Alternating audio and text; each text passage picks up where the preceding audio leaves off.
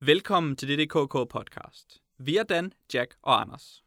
Og i dag skal vi smage på den japanske spillefilm Tampopo. Vi tilbereder tegneserien Relish My Life in the Kitchen, og sidst bestiller vi computerspillet Candybox. Men først et kort citat. Først skal du betragte hele skålen. Værdsætte dens gestalt. Nyde af aromaerne, juveler af fedt, der glinser på overfladen. Men Mændmagen, der skinner. Tangen, der langsomt synker. Forårsløgene, der flyder. Koncentrer dig om de tre skiver svinekød. De spiller hovedrollen, men holder sig beskedent skjult. Først skal du kærtegne overfladen med spisepindene for at vise din hengivenhed. Så skal du prikke til kødet, ikke spise det, bare berøre det. Kærtegne det med spidsen af dine spisepinde. Samle det forsigtigt op og dyp det i suppen i højre side af skålen. Det vigtige er her at undskylde til svinekødet ved at sige, vi ses snart igen. Endelig begynder du at spise nudlerne først, og på dette tidspunkt, mens du slubrer nudlerne, skal du se på kødet, betragte det hengivent. Så bider du i noget menma og tykker et stykke tid. Spis nogle nudler. Mens du tykker, spiser du lidt mere menma. Sip til suppen tre gange. Sæt dig op. Tag en dyb indånding og samle en skive svinekød op, som om du er ved at træffe en vigtig livsbeslutning, og bank den let mod kanten af skålen, for at dræne den. Det er alt. Mm. Mm. Jeg har lyst til nudler nu. Ja, specielt fordi, at øh, du ikke gik, gik, gik i gang med at smaske helt ustyrligt. Med Det er jo tabu her i Vesten. Der kan man altså bare se. Hvad, hvad er mel, Melma? Menma, Menma? det er øh, Shinachiku-rådet, som de Ja. hele tiden taler om i filmen. Det er faktisk, øh, det er i de senere år blevet set som et nedsættende udtryk, fordi Shina er et grimt ord om Kina i Japan. Så nu om dagen kalder man Shinachiku for Menma, og det er mælkesyregærede bambusskud. Nydeligt. Værsgo at spise. Det lød lød rigtig lækkert. Det var meget, øh, meget indlevende, Jack. Man får lyst til, man får appetit. Appetit på en, øh, måske en hel podcast, der handler om mad. Nu må vi se, om, om folk får for meget, eller om det er lige tilpas, Ja, jeg tror ikke, man kan få for meget mad. eller de går mætte herfra, eller hvad hedder det? Øh, Sultne? Sultne herfra. det er godt, hvis jeg lige får styr på de to begreber i det mindste. ja. En god start på en podcast om mad. Det vil jeg, det vil jeg mene. Du citerede øh, Tampopo, som er det første emne, vi skal tale om i dagens podcast. En japansk øh, film om mad. Øhm, efterfølgende skal vi tale om tegneserien Relish, som handler om mad. Øhm, og den, øh, ja, den er også spændende. Den kunne man også have citeret. Det gjorde Jack ikke. Det er der måske en grund til. Det finder vi ud af. Og så slutter vi af med at tale om computerspillet, der er lidt mere slik og lidt mindre mad, men det passer måske også meget godt som sådan en lille delight til sidst til Ja. kaffen, eller når vi læner os tilbage og skal øh, stimulere maven lidt. Så det er dagens program. Dagens menu, kunne man næsten sige. og så behøver vi ikke gå mere i dybden med den slags udtryk. Måske vi bare flere skal, madting at sige. måske vi bare skal sige tak, tak, for, tak for kaffe. Hvad, hvad har du lavet siden sidst? Jeg har, øh, jeg har set øh, en tegnefilm, en tegnefilmserie, der hedder Axe Cop. Og øh, det er oprindeligt en webcomic fra 2009, som så sidenhen blev øh, til en, en regulært udgivet tegneserie på Boom Studios. Og øh, den, er, den er rimelig sjov. Den er sådan, ideen bag den er øh, tilhører en, en femårig ved navn Malachi, og så er det så hans øh, 29-årige bror, der ligesom har realiseret den. Og øhm, den, den er ret simpel i sin, i sin femårige enkelhed, øh, fordi at den handler om X-Cop, der på et tidspunkt bare var en kop, men så fandt han på et, øh, ved sådan en brand, så fandt han den perfekte økse, og så havde han jo ikke noget andet valg end at blive X-Cop. Og øhm, når man så er X-Cop, så det man egentlig gør, det er det samme som det almindelige politi, bortset fra at man er sådan lidt sejere, så man bekæmper sådan lidt værre forbrydere. Øh, og det gør man så i, øh, i forbindelse med, eller i, i øh, samarbejde med sin partner Flute Cop, som er en, ja, strømmer med en fløjte. Og øh, så er det ellers bare at, at gå til den med øh, ja, dinosaurer og dræberrobotter og den slags. Det lyder sjovt. Ja, det er ret sjovt faktisk. Det er, øh, det er sådan meget, hvad hedder det, ja, non sequitur humor, som der lige pludselig sker et eller andet, og så ved man ikke, hvad der, hvad der sker øh, næst. Og øh, jeg, jeg synes måske ikke, at det, det, det når op på sådan en standard, som Adventure Time for eksempel har. Men det er stadigvæk ret sjovt at se, og det er ret sjovt, at, hvad, hvad de finder på, og man, nogle af de der ting, der sådan ligesom sker i serien, kan man godt fornemme, at det er sådan en femårig logik, der, øh, der, øh, ja, der, der ligesom står bag det. Jeg har faktisk set det, og jeg synes, det var sjovt. Kan jeg godt afsløre. Ja. Så når jeg siger, det lyder sjovt, så, så er det måske, fordi jeg kender det. så har du set det, og det også ser sjovt ud. Ja, eller jeg har set afsnit 1 i hvert fald. Ja. Hvor de... Øh, det er noget med, at de skal bekæmpe dinosaurer. Ja, det mener jeg, at de skal i første afsnit, ja. Ja, og så skal de øh, hen på sådan en planet, hvor de skal lege et, et eller andet horn. Ja, Ja. Lise det, eller sådan noget. Ja, de skal lige se et eller andet horn ud, ja. Jeg tror, det er sådan, der. De, er- de, er de mangler også penge tit, fordi at de er jo, jeg ved ikke helt hvorfor, men på et tidspunkt, så er der så et afsnit, hvor de finder ud af, at deres gun bill er helt vildt høj, og så bliver de så nødt til at tage ekstra jobs, øh, som for eksempel som babysitter, for ligesom at, at betale for alle deres våben. Og, øh, og jeg kan sige, at hvis man har set serien, så webcomicen, den afslører en, eller den, den er lidt noget andet, men den, det er som om, den afslører noget baggrundshistorie, der, der, der selvfølgelig er ret så valgfri, om man har lyst til den eller ej, men, men det er også ret sjovt faktisk. Har de de samme forældre? Øh, Flutkop og X-Cop. Nej, Malachi og hans storbror. Og øh, ja, så vidt jeg ved, altså de er i hvert fald brødre. Det er bare sjovt, fordi der er 24 års forskel på dem. Det er Ja. rimelig meget. Ja, det er ret lang, øh, ret lang periode. Det er det, jeg måske hæfter en- mig ved. Ja, Jeg kan købe ikke historien. Nej, det er nok det. Så er det en producer, der har fundet på den. ja. Jo, jo, det gør jeg. Øh, mest fordi jeg har læst det første øh, X-Cop. Dengang jeg kunne finde ud af at betjene deres hjemmeside, så blev den helt bøvlet, og så gad jeg ikke læse mere, fordi det var for besværligt. Men også lidt fordi, at ligesom femårige historier om ting har sådan lidt en tendens til at begynde at gentage sig selv på et eller andet tidspunkt, Mm. mm. så synes jeg også, at X-Cop tegneserien gjorde det. Og så var det ikke sådan helt spændende nok til, at jeg gad slås med deres forvirrende hjemmeside, som blev mere og mere flashbaseret, indtil de gav sig til også at lave tegnefilm. Så nu er det vel et medie-imperium eller sådan noget. Du ved ikke tilfældigvis, hvem der, er, der har lagt stemmer til X-Cop i X-Cop? Eller Nej. stemme? Øh, nej, det ved jeg faktisk ikke. Fordi det husker jeg som ret sådan godt, meget karakteristisk og sådan overraskende, hver gang han udbryder noget. Så det er sådan ret, så det er faktisk ret Ja. sjovt. Så det er meget bombastisk. Ja. ja det er rigtigt. Hvis det ikke er H. John Benjamin, så er jeg ligeglad. Øh, ja, jeg har, ikke, jeg har ikke tjekket, hvem der har lagt stemmer til det, men, men det stemme, voice acting i, i serien er ret god, altså. Det virker meget godt. Ja, så er det måske en skam, at man skal have en gimmick, for man kan lave en, tegne, en tegnefilm. Men ja. Men det var Ja. ja. okay, ikke? Det var sjovt. Til at begynde med. Ideen var sjov. Det var sjovt, fordi det var så random alt det, der skete.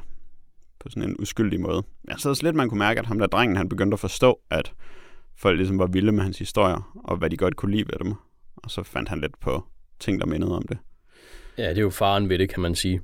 Han er, øh, han er forældet, slidt op. Slidt op som 9-årig. Ja. det lyder hårdt, men, men jeg er jo altid retfærdig, som I ved, så... Jamen, så har han sådan en lang periode nu, hvor han øh, drifter rundt de næste sådan 30 år eller sådan noget, og så vågner han op på et eller andet, et eller andet hotel i Singapore som 47-årig og har en idé til en roman, og så, Ja. så får vi den rigtige historie med X-Cop. Det er rigtigt. Ja, så kommer hele baggrunden. Ja, det bliver godt. Det må Det- vi lige vente på. Det ser jeg frem til. Mens vi venter, Jack, hvad har du så lavet siden sidst? Jeg har været til blodig weekend. Åh oh, ja, det er da rigtigt. Jeg tænker, at det nok godt kan dække en runde. Eller Ja, har så set 12 film i løbet af weekenden. Øh, alle sammen på Cinemateket. Og det var, øh, jeg vil ønske, jeg kunne sige, det var en blandet fornøjelse, men det var egentlig mest bare ikke nogen fornøjelse. Kæft, hvor var det dårligt. Næsten alt sammen. Øhm, så jeg er virkelig træt af den der lyssætning, som der er i gyserfilm, hvor når der er nogen, der sidder ved sådan en enkelt lampe, så er der et vildt orange lys, og alt er orangefarvet, så når de går ud af rummet, og inde ved siden af, hvor der kun er månelys, så er alt bare blåt, men stadigvæk mm. lige så oplyst, som det var af den der lampe.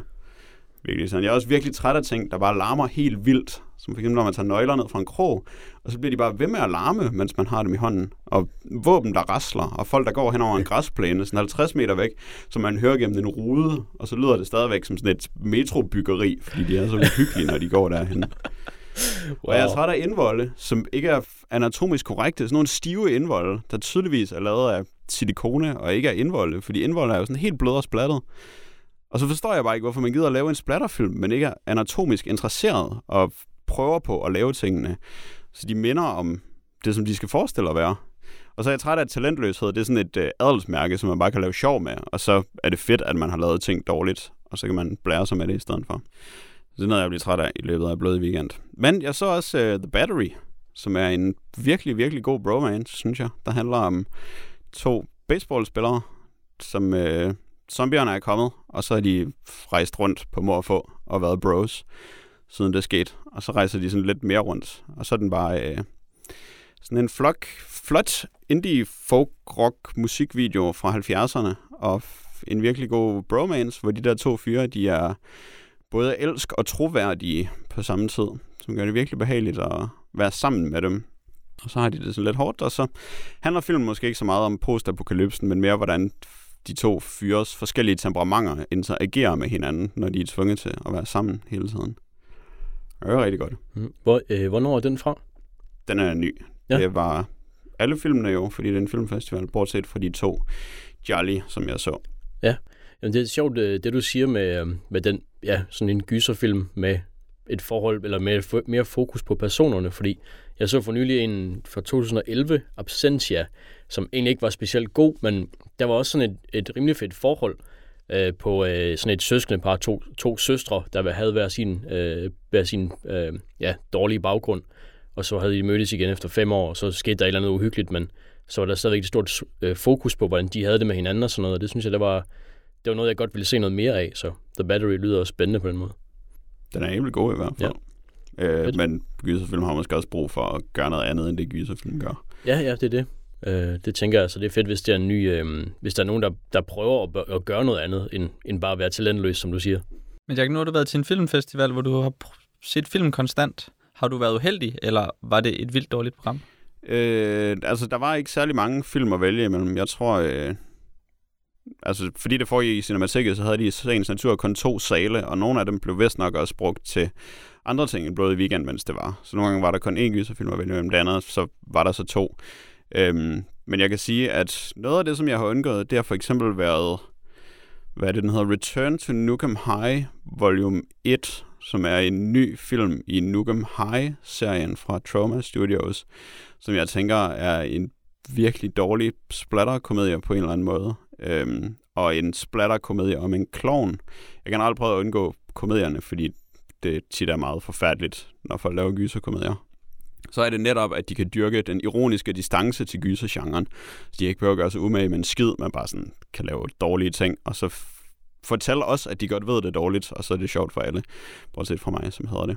Så jeg tror ikke, jeg har været øh, uheldig med programmet. Øhm, jeg tror, at der er jo nok mange af de her film, som arrangørerne ikke har sådan set, før de besluttede sig for, at de skulle prøve at få dem, fordi de er meget nye. Der er nogle af dem, der først får premiere til næste år, faktisk. Øhm, så det har de måske ikke vidst, og så det er jo fedt, at de, øh, altså, så gætter de jo lidt på, hvad der kunne være godt. Og der var nogle af filmene, som nogle mennesker virkede til at være rimelig glade for, selvom det var det arveste bras. Så det kan også være, at jeg øh, på en eller anden måde er lidt et forkert publikum. Måske kræver en gyserfilmfestival, at man bare ikke er særlig kritisk, når man ser film. Hvilket er lidt ærgerligt, men det kan godt være, at der var sådan noget i den stil. Men jeg tror ikke, at jeg har været uheldig. Jeg tror bare, at det har været nogle dårlige film uden at det skal være en kritik af festivalen, for jeg tror, det er svært mm-hmm. at skulle finde 12 gode gyserfilm. ja, det er måske ja. en genre med, med en del bundskrab. Jamen, jeg var med, inde og, med derinde og se to af filmene, Jack, og jeg kan jo bakke det op i alt, hvad du siger. Fra mit, ja, fra mit perspektiv af. Specielt uh, We Are What We Are, som uh, er en uh, kannibal film, uh, horrorfilm, som var utrolig dårlig. Jamen, det var måske også den dårligste, der var. Øh, mest fordi, at det var sådan en film, der tydeligvis øh, havde pengene og folkene et eller andet sted til at lave et eller andet, som var kompetent. Altså, det var ikke grov inkompetence, som gjorde den dårlige. Det var bare, at de havde truffet nogle virkelig, virkelig dårlige beslutninger, og havde utrolig dårlig smag i alt, hvad de lavede. Så den, det var måske den, der gjorde mig mest sur af alle de film, jeg så, over hvor dårlig den var. Ja, jeg fik det helt dårligt. Bare for at sige dårligt lidt mere. Helt utilpas. Jeg var sådan... Øh, jeg tror, mine muskler de var blevet lammet Ja, lige fra første sekund af den, så er den virkelig bare dårlig. Jamen, det er næsten også værre, hvis der er en film, der har midlerne, men så har de ingen ambitioner eller ingen, øh, ingen evner til at gøre noget med de midler. Ja, det var rigtig dårligt. Men øh, så kan det være, at du ikke skal til blod i weekenden næste år. Jo, selvfølgelig skal jeg det. Det var godt, ja. så det hele endte lykkeligt alligevel. ja, det må man da sige. Jamen, jeg kan bare godt lide den der binge-eating mentalitet, der er med sådan nogle filmfestivaler, hvor man bare skal gøre vildt meget af et eller andet på en gang. Det synes jeg er rigtig hyggeligt. Øhm, Måske med lidt flere øl næste år. det bliver måske nødvendigt. For at dulme nerverne. Det var så suttet at sidde og drikke alle de øl alene i en biograf. Ja, så kan man tage på Voodoo Bar og drikke mælk med mig i stedet for. jeg har set uh, Fireman's Ball af Milos Forman. Forman. Jeg er ikke helt sikker på, hvordan man udtaler det på tjekkisk. Um, der er en uh, sådan en øh, satirisk komedie, der handler om en gruppe brandmænd, som der skal arrangere et bal. Og så har de øh, et, øh, en stor udfordring i at arrangere skønhedskonkurrencen i løbet af, af det her bal her. Fordi at øh, de er det er ikke så gode til at gå, komme i kontakt med alle de kvinder, som de skal få til at stille op i skønhedskonkurrencen. Og så er det sådan meget farsisk øh, portræt af de her brandmænd, som øh, tumler rundt og bliver sådan langsomt lidt mere, øh, lidt mere bedukket og lidt mere forvirret, og så, øh, og så kan man sidde og klukke af, hvordan det helt langsomt går galt i den her. Sådan en ret lille, lille hyggelig komedie. Den er fra 67. Um, og Milos Forman, eller Forman, har øh, også instrueret One Flew Over the Cuckoo's Nest og Amadeus senere. Mm, Men inden det, så lavede han lige sådan en gang tjekkisk øh, fald på halen brandmandskomedier. Jeg troede ellers brandmænd, de havde styr på det der med damerne. Men det er jo lidt det, der er, eller noget af det, som, som er sjovt ved den her film, at vi har de her brandmænd, som er utrolig kompetente lige, når det kommer til én ting. Og så hele den her film bliver det udstillet, hvordan de slet ikke kan finde ud af noget som helst andet, end at slukke branden. Og så kommer der så også en brand på et tidspunkt af den, der de faktisk også dårlige til at slukke. det lyder meget godt egentlig. Ja, den, var, øh, den er sådan forholdsvis kort og rigtig, rigtig god, faktisk. Overraskende. Um, jeg vil ikke sige for meget om, hvad der foregår i den, fordi der sker ikke så mange forskellige ting. Og det er sådan nogle hyggelige gamle mænd, som, øh, som prøver på at lave en skønhedskonkurrence. Det er ret sjovt. Og så er de selvfølgelig sådan lidt nogle gamle grise også, hvilket også er ret sjovt. Og så de tjekker. Mm-hmm. Wow. Det lyder... Ja. Det lyder smalt. Ja, tjekkisk film fra 67. Det jeg vidste ikke, at... Den har farver, ja. og den har faktisk også noget godt musik. Wow. Så Tænk engang. mm, ok, sådan noget polka noget. Fedt. Men altså, det er jo sådan lidt... Hvis man først skal til at se øh, små, hyggelige film fra 60'erne, så er der bare så mange at vælge imellem. Hvordan skulle man så nogensinde lige vælge den? Jamen, den, blev, den var jo øh, en skarp kritik af kommunismen, Jack. Så den blev ulovlig og, og er blevet... Øh,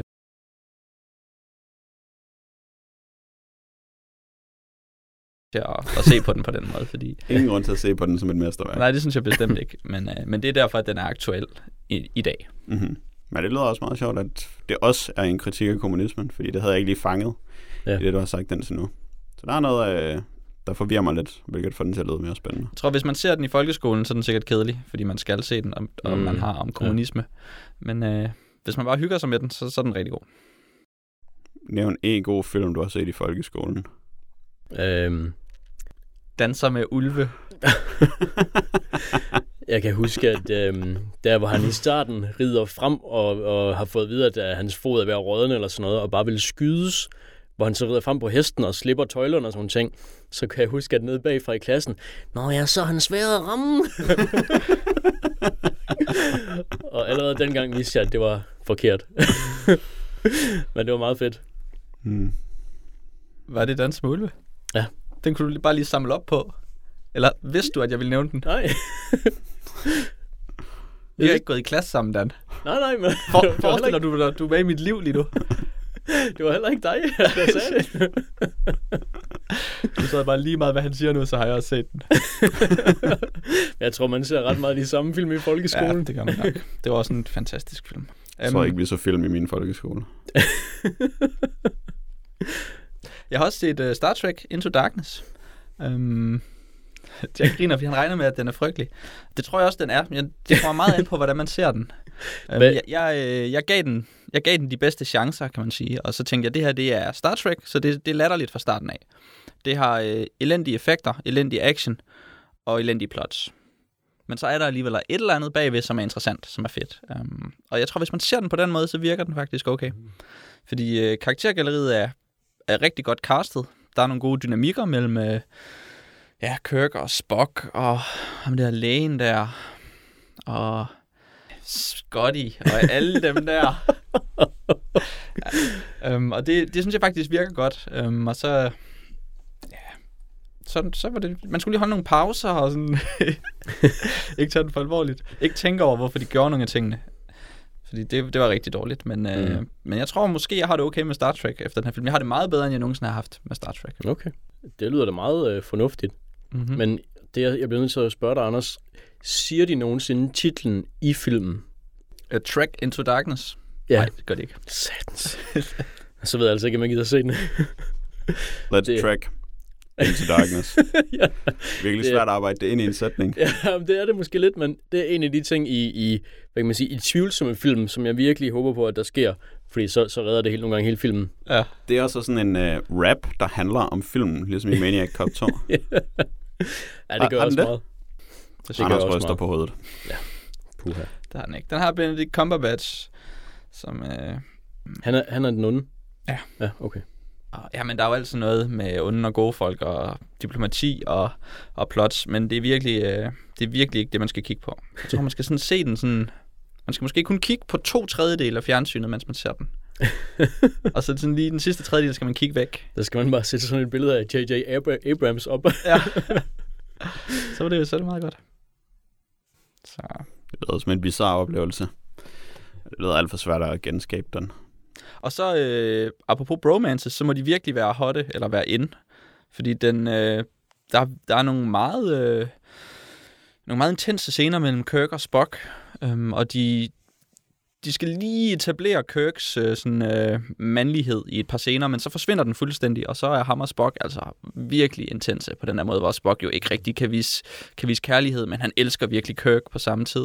Og det, er sådan, det bliver næsten sådan et, et symbol på sådan mænd, der ikke kan vise, de elsker hinanden øh, med den her Spock-karakter, som er, som er følelseskold. Men til sidst bryder han alligevel igennem, og så øh, de har faktisk fingrene, den der med, hvor der er en glasplade, og så har de fingrene op på hver deres side. Åh, oh, wow. De laver ikke close-up'et, så man kan ikke helt se det, men de, de cutter lige, hvor man ser, at de faktisk har haft hænderne Der er på samme sted. på samme sted Glaspladen. på Wow. hver deres side af en glasrude. Det lyder godt nok som Leflen for internettet, synes jeg. Fordi internettet er vildt med Kirk Spock slash fiction. Åh. Oh. Nå, Det er de vil huge. have, at de, de har en, øh, en romance. Ja, Ah, okay. Ja. det er der virkelig meget af. Og så laver man sådan en film, som er for internettet, vel? Det er vel internettet, der er publikum for den film. Og så bliver de glade. Alle dem, der godt kan lide det der fanfiction, hvor Kirk og Spock, de kysser. Der kan man bare se. Det tror jeg, de blev. Der er, der er lidt af det. Det var så let. Der er lidt. Jeg har også set et par andre film. Jeg ved ikke, om vi skal tale om dem.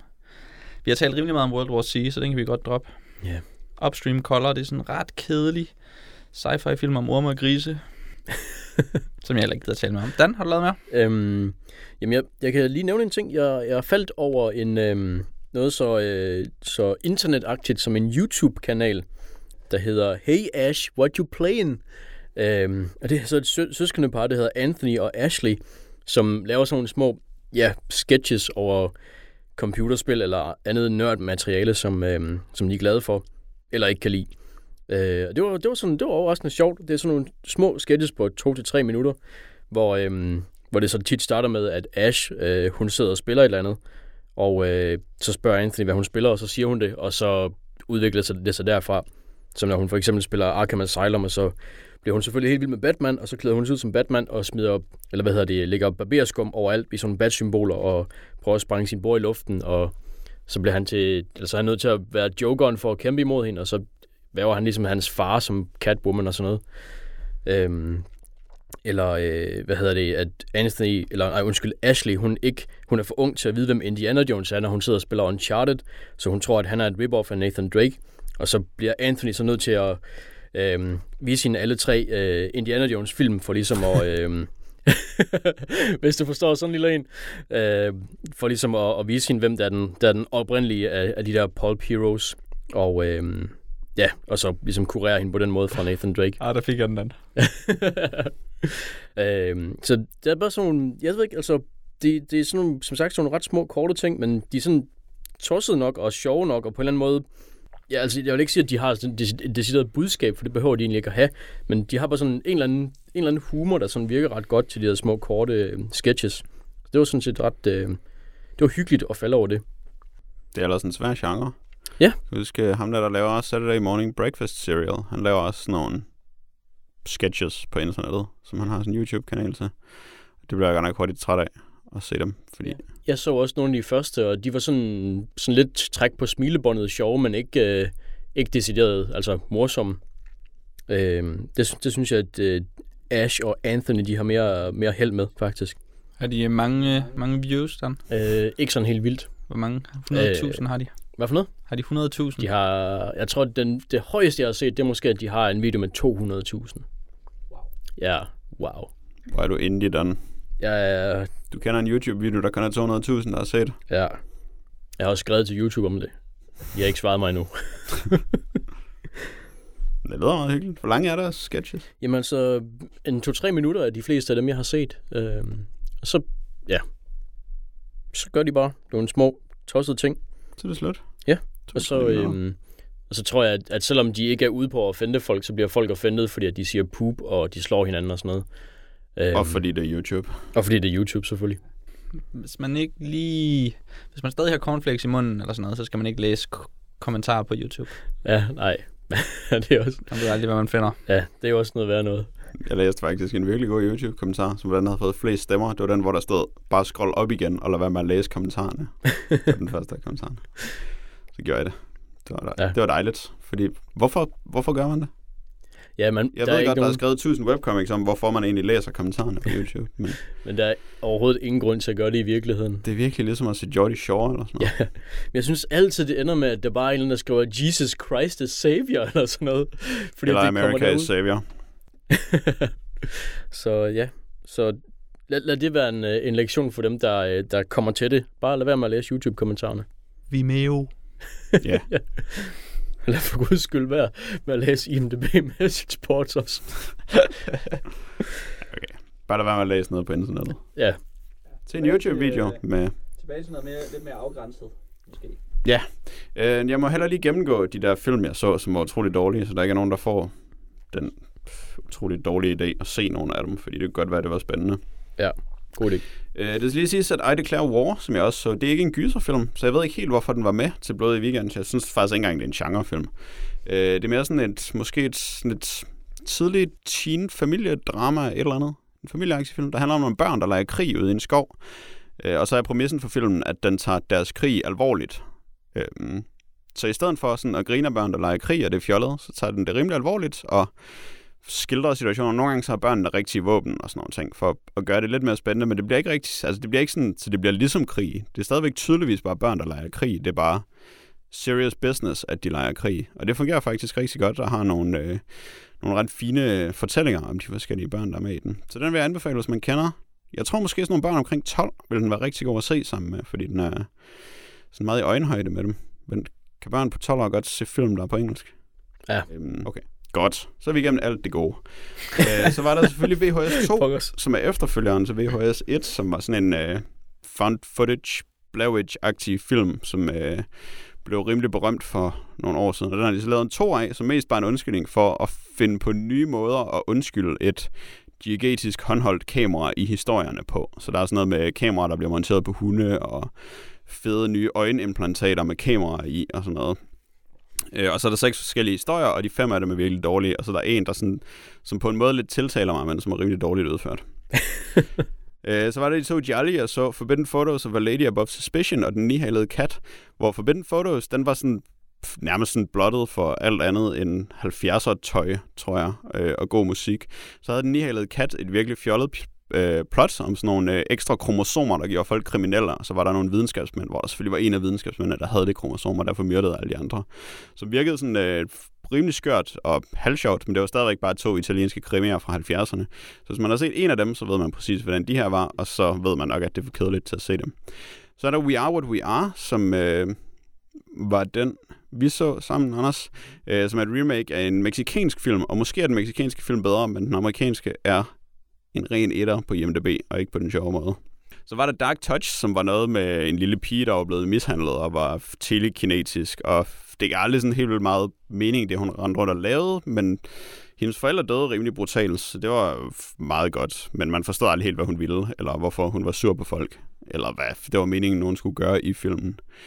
Øh, så var der Daddy's Little Girl, som øh, blev præsenteret som 45 minutters handling, altså 45 minutters tortur, hvilket nok også er cirka rigtigt. Den handler om den handler faktisk om noget virkelig åndssvagt, hvor hovedpersonens bror er pædofil og dræber hans datter, og så torturerer han ham i helt lang tid.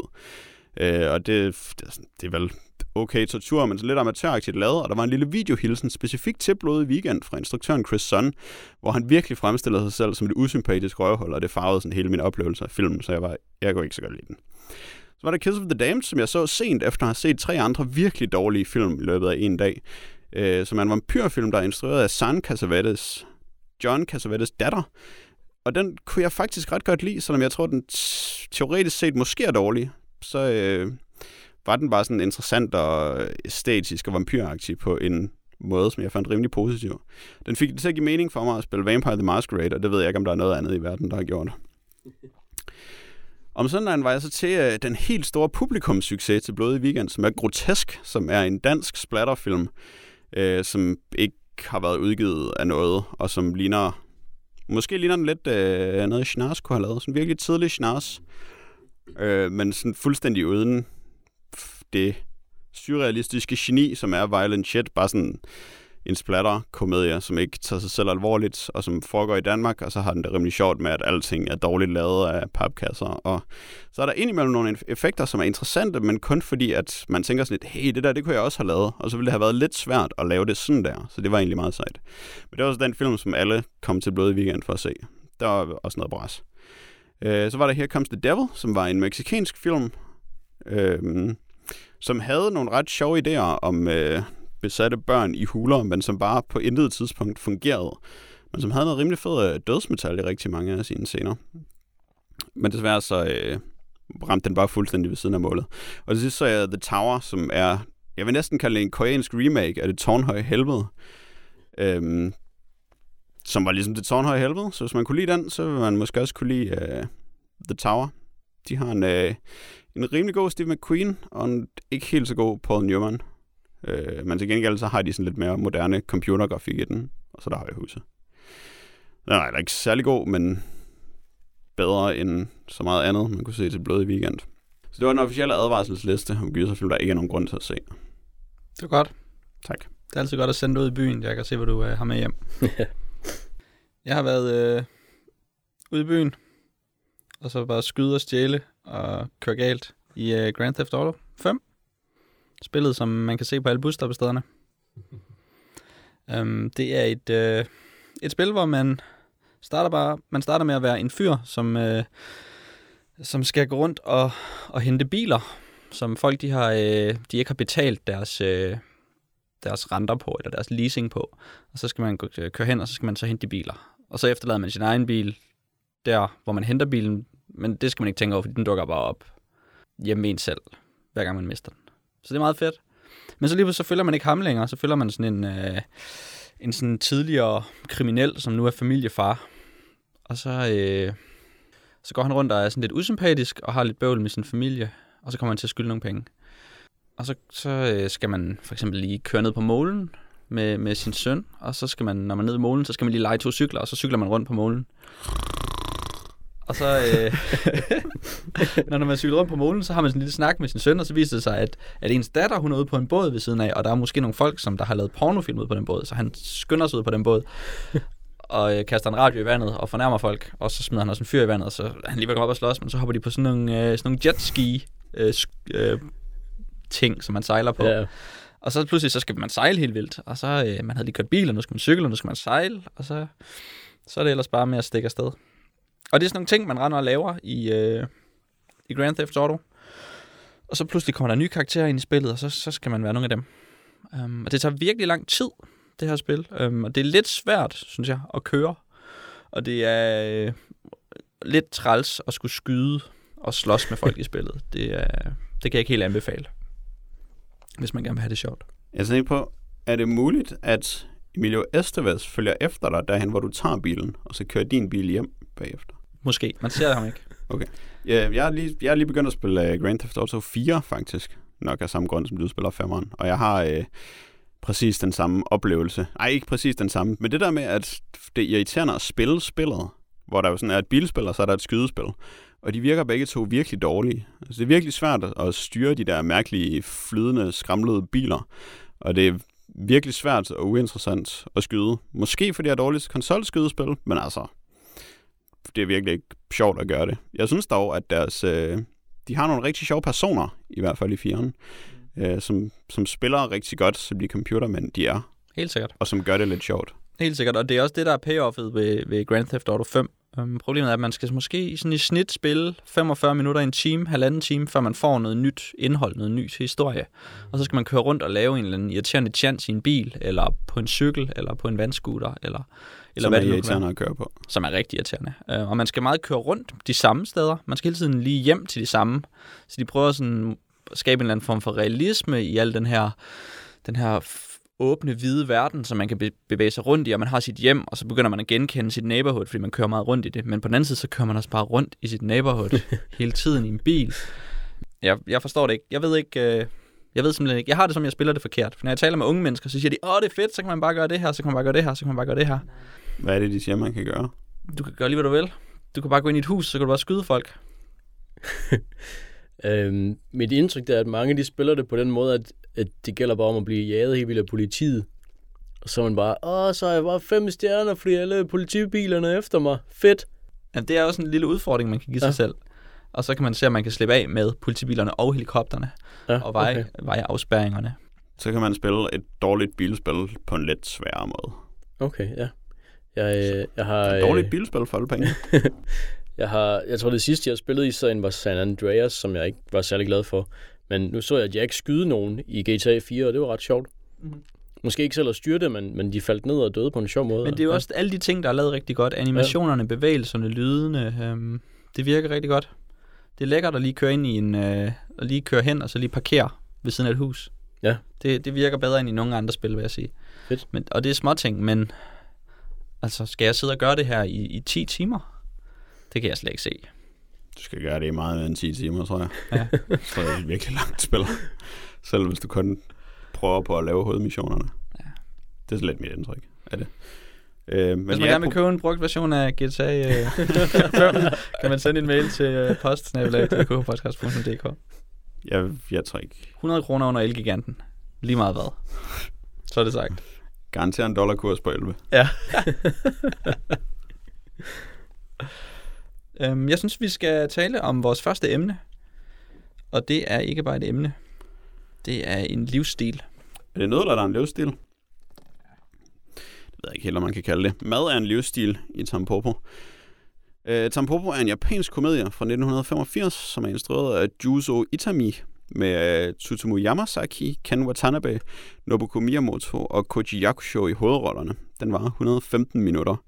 Uh, og du har aldrig hørt om nogen af de her mennesker, bortset fra måske Ken Watanabe, som uh, fik en lovende karriere med at spille stereotyp japaner i Tom Cruise-film, øh, og som senest er set i Inception og Batman Begins, hvor han spiller øh, Ra's al Ghul. Øhm, Wow. han spiller... Øh, ah, vent. Jeg skal lige fortælle nogle historier om instruktøren, inden jeg når til at fortælle plottet. Øhm, fordi selvom man ikke har hørt om nogen af hans film nogensinde, så er han sådan forholdsvis berømt i Japan, og har vundet to af hvad end Japans Oscar hedder. øhm, og hans søster var eller er måske gift med Kensaburo Oe, som har vundet øh, Nobelprisen i litteratur. Øh, han lavede i 1992 en film om Yakuzaen, som hed Minbo no Under, Øh, og efter den, der blev han overfaldet af fem Yakuzaer, som skar ham i fjeset med knive, så han blev indlagt. Øh, og i 1997, der begik han selvmord i gåseøjne, øh, efter en sexskandale. Men der er en journalist, der hedder Jake Adelstein fra Yomiuri Shimbun, som siger, at det faktisk var Yakuzaerne, der smed ham ud fra taget, fordi han havde tænkt sig at lave en Yakuza-film mere, og de kunne bare virkelig ikke lide hans film. Så det er... Så hvad, hvad så med sexskandalen? Den var bare i baggrunden. Jamen, der, der er ikke nogen, der helt ved, om det var en sexskandale. Måske havde han haft en affære, men Jake Adelstein siger, at øh, Itamis kone allerede kendte til det, øh, og det derfor ikke gav nogen mening. Og hans selvmordsbrev var skrevet på en computer. Mm-hmm. Åh, Øh, men han har i hvert fald lavet den her øh, japanske komedie, som handler om øh, Goro og Gun. Gun er ham, der er spillet af Ken Watanabe, som er øh, lastbilchauffør. Og de kører en dag rundt i deres lastbil, og så bliver de sultne, og så vil de gå ind i en ramenbutik for at spise noget ramen. Øh, og det, der er altså nogle begivenheder, som fører til, at de beslutter sig for at hjælpe hende, der har nudelbutikken, med at øh, lave en bedre nudelbutik, end den, han, hun har lige nu. Og så drager de ellers ud på en odyssé, hvor de skal afdække den allerbedste ramen, man kan forestille sig. Ramen er jo en japansk nudelsuppe, som øh, er en suppe, som man putter nudler i. Det skal være øh, kinesiske nudler, som laves af hvedemel, salt, vand og øhm, kansui, som er noget vand med særlig meget øh, soda og potaske og fosforsyre i. Så laver man øh, ekstra gode nudler. Så det virker lidt ligesom, når du putter bagepulver i dine kager. Så laver man de nudler, og så hælder man det i en suppe, og så lægger man forskellige ting ovenpå. Og det bruger de virkelig lang tid på at diskutere alle detaljer af i den her film. Og så måske fordi det sidst lavede den bedst mulige nudelbutik. Det er rigtigt. Det er jo en film, som øh, jeg synes sætter barn ret højt med det, med det projekt, som du også øh, beskriver her, Jack. En film, som der både skal, skal have en handling og drive os rundt og underholde os, og så på samme tid fortælle fortællingen om de perfekte nudler. Gør den det? Den, i hvert fald, den gør i hvert fald øh, rigtig meget for det. Jeg, jeg sad og, øh, og fik lyst til nudler, i hvert fald. Måske endda alt muligt andet mad også. Øhm, jeg synes, det var i mange henseender, så hvad kan man sige, hovedhistorien i hvert fald, øh, hvor vi så følger deres, øh, deres øh, den her lille nudelbandes øh, færd på, for at lave en, en perfekt nudelbutik. Øh, den, var, øh, den var rigtig fed, og det var fedt med nogle, ja, med de her øh, virkelige typer, som de samler til at hjælpe Tampopo, som hun hedder, hende her indehaveren, øh, til at hjælpe hende med at, at skabe en, en fantastisk nudelbutik. Det var, øh, det var, det var sådan, ja, det var spændende, og det var sjovt, og, øh, og det var, jeg synes, det var en virkelig god humor, der var i filmen. Mm. Det virker som, at den låner meget af... Man har det som om, at den låner meget for mange forskellige film, eller mange forskellige filmgenre. Øhm, det her med, at han skal ud og samle et, et hold, som skal med ham, det er sådan meget eventyrfilmagtigt, at de skal ud og finde de her, de her, leg, de her svende, der skal hjælpe. Øhm, den, øh, den gode kok og den gode øh, øhm, indretningsarkitekt, som ved, hvordan man skal rive loft ned, mens det regner. Og... Ikke bare den gode kok, den gode suppekok og den gode nudelkok. Ja, det er præcis. Det er rigtigt. Øhm, ja. Og så har den også det her øh, western-agtige, øhm, i hvert fald over, øh, over vores, vores mandlige hovedperson, som jo går med en cowboyhat, ja. og han tager bad med cowboyhat på. Og det må vel altid være et, et nyk til, til westernfilmen. Det må man sige. Han er en, han er en rigtig cowboyter. Så det er vel også en, øh, altså, den er, den er meget japansk, men den ser måske også sådan, den kigger også meget ud af. Kigger også meget på amerikansk film. Har jeg det som om. Itami kalder det jo selv en nudelwestern. Ramen western kalder han vist egentlig, men nudelwestern lyder lidt bedre. Ja. Ja. Så han indrømmer gerne, at han er inspireret af spaghetti westerner, da han lavede den. Det mærker man også, synes jeg. Jeg synes, jeg fik øhm, især for øhm, ved, ved øhm, hvad hedder han, Pisken, ham her øh, indretningsarkitekten, han mindede mig så meget om Benny fra Olsen-banden. hans dumme sokker og hans kasket. Og ja, det, og det, det, var, det var vildt sjovt. Det synes jeg, det var... Øh, jeg, jeg forestiller mig, at nogen i Japan har set Olsen-banden, og synes, at Benny han bare er den sejeste nogensinde, eller et eller andet, og så, øh, og så bliver Men indretningsarkitekten er bare Olsenbanden inspireret. ikke et rip-off? Er det? Jeg er fra en tysk, østtysk Det tror jeg ikke. filmserie. Øh, det tror jeg ikke. Øh, jeg ved, at Olsen-banden er blevet dobbelt til tysk. Ja, ja. Jeg husker så- det som om, at den er... Det er der ingen, der ved. Det er der ingen, der ved. Kun tyskerne. Men, men der er men, ret meget fedt 80'er tøj i den. Ja. Sådan udover ham, der ligner... Jamen det, det, det er nemlig fra rigtigt. De, alle, alle sammen har sådan noget ret fedt tøj på, noget ret sådan noget øhm, tøj, man, man genkender. Altså som Goro, der har det her cowboy ud, øh, udstyr på. Eller hatten og tørklædet i hvert fald. Og øhm, hvad er det så? Det er nudelkokken, der enten er klædt ud som er altså en kok eller en chauffør. Øh, for han er jo også ham her chauffør for sådan en rigmand. Øh, det synes jeg bare, det var fedt, at, at de har de her specielle typer med deres helt specielle klædedragt, der så bliver det samlet til sådan et ultimativt nudelhold. er sådan et uh, usandsynlig forsamling af folk, ikke? Også, sådan, der skal hjælpe den her lille pige, som hun jo meget er i løbet af den her film. Ja, hun er jo, det, det, var, det var egentlig ret sjovt, hun har den her nudelbar, men hun er åbenbart helt elendig til at lave nudler, altså. Det var så lidt mærkeligt, fordi, Sådan lidt Wizard of Oz-agtigt. Ej, Det var fordi, hun overtog den efter sin mand, som var god til at lave nudler. Hun er også en god kok, hun er bare ikke så god til at lave nudler. Men så for at ære hans minde, skal hun have en nudelbutik. Så det er det, hun er dårligst. Muligvis også en rimelig dårlig mor. Hendes søn får i hvert fald tæsk hver dag. ja, og hun har det rimelig okay med det. Gå ind og vask dig. Ja, ja. Men øhm, ej, det, hvad hedder det, øhm, det, det som, nogle gange så synes jeg måske, at de der øhm, ting, der ikke var med i hovedhistorien, de var måske lidt lange i det. Eller jeg sad sådan lidt og, og var lidt forvirret over, hvordan de passede ind, eller hvornår de passede ind, og øh, at der, der ville jeg måske bare hellere se, eller følge hovedpersonerne, end at, end at se de her øh, mindre historier. Nogle gange virkede det rigtig godt. Jeg synes, den første øh, mindre historie, hvor øh, man ligesom, hvor øh, man har nogle af de her, øh, hvad er det, man har Tampopo og Goro, der træner i parken, og så går der sådan en række forretningsmænd forbi dem, og så følger kameraet bare lige pludselig dem.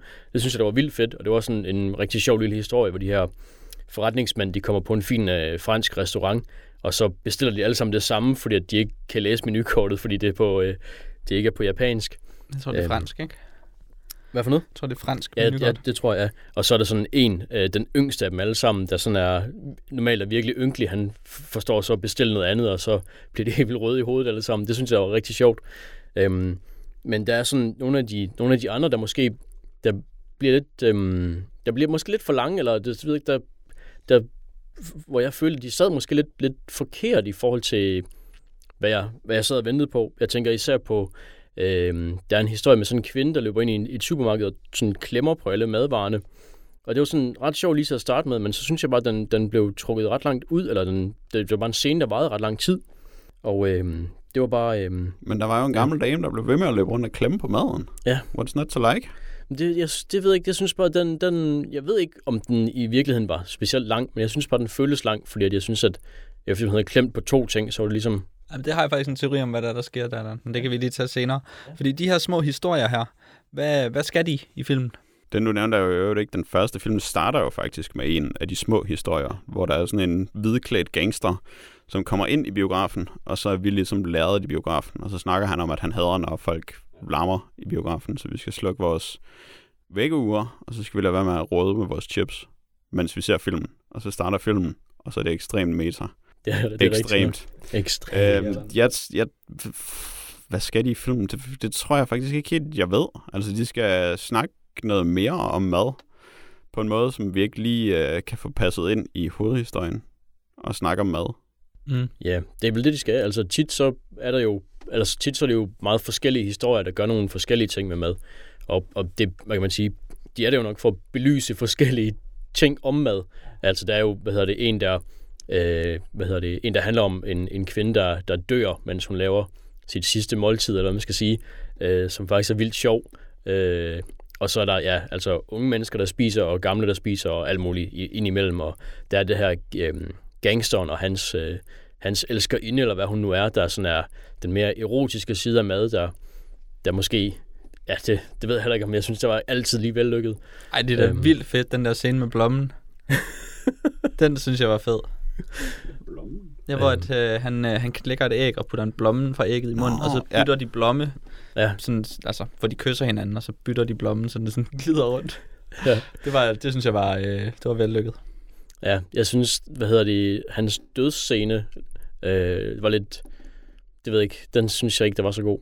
Nej, det er heller ikke der, hvor han sådan spærrer øjnene op, og så er sådan fuldstændig sindssyg ud, efter han har fortalt historien, og så spørger om det ikke lyder lækkert, det han lige har fortalt om.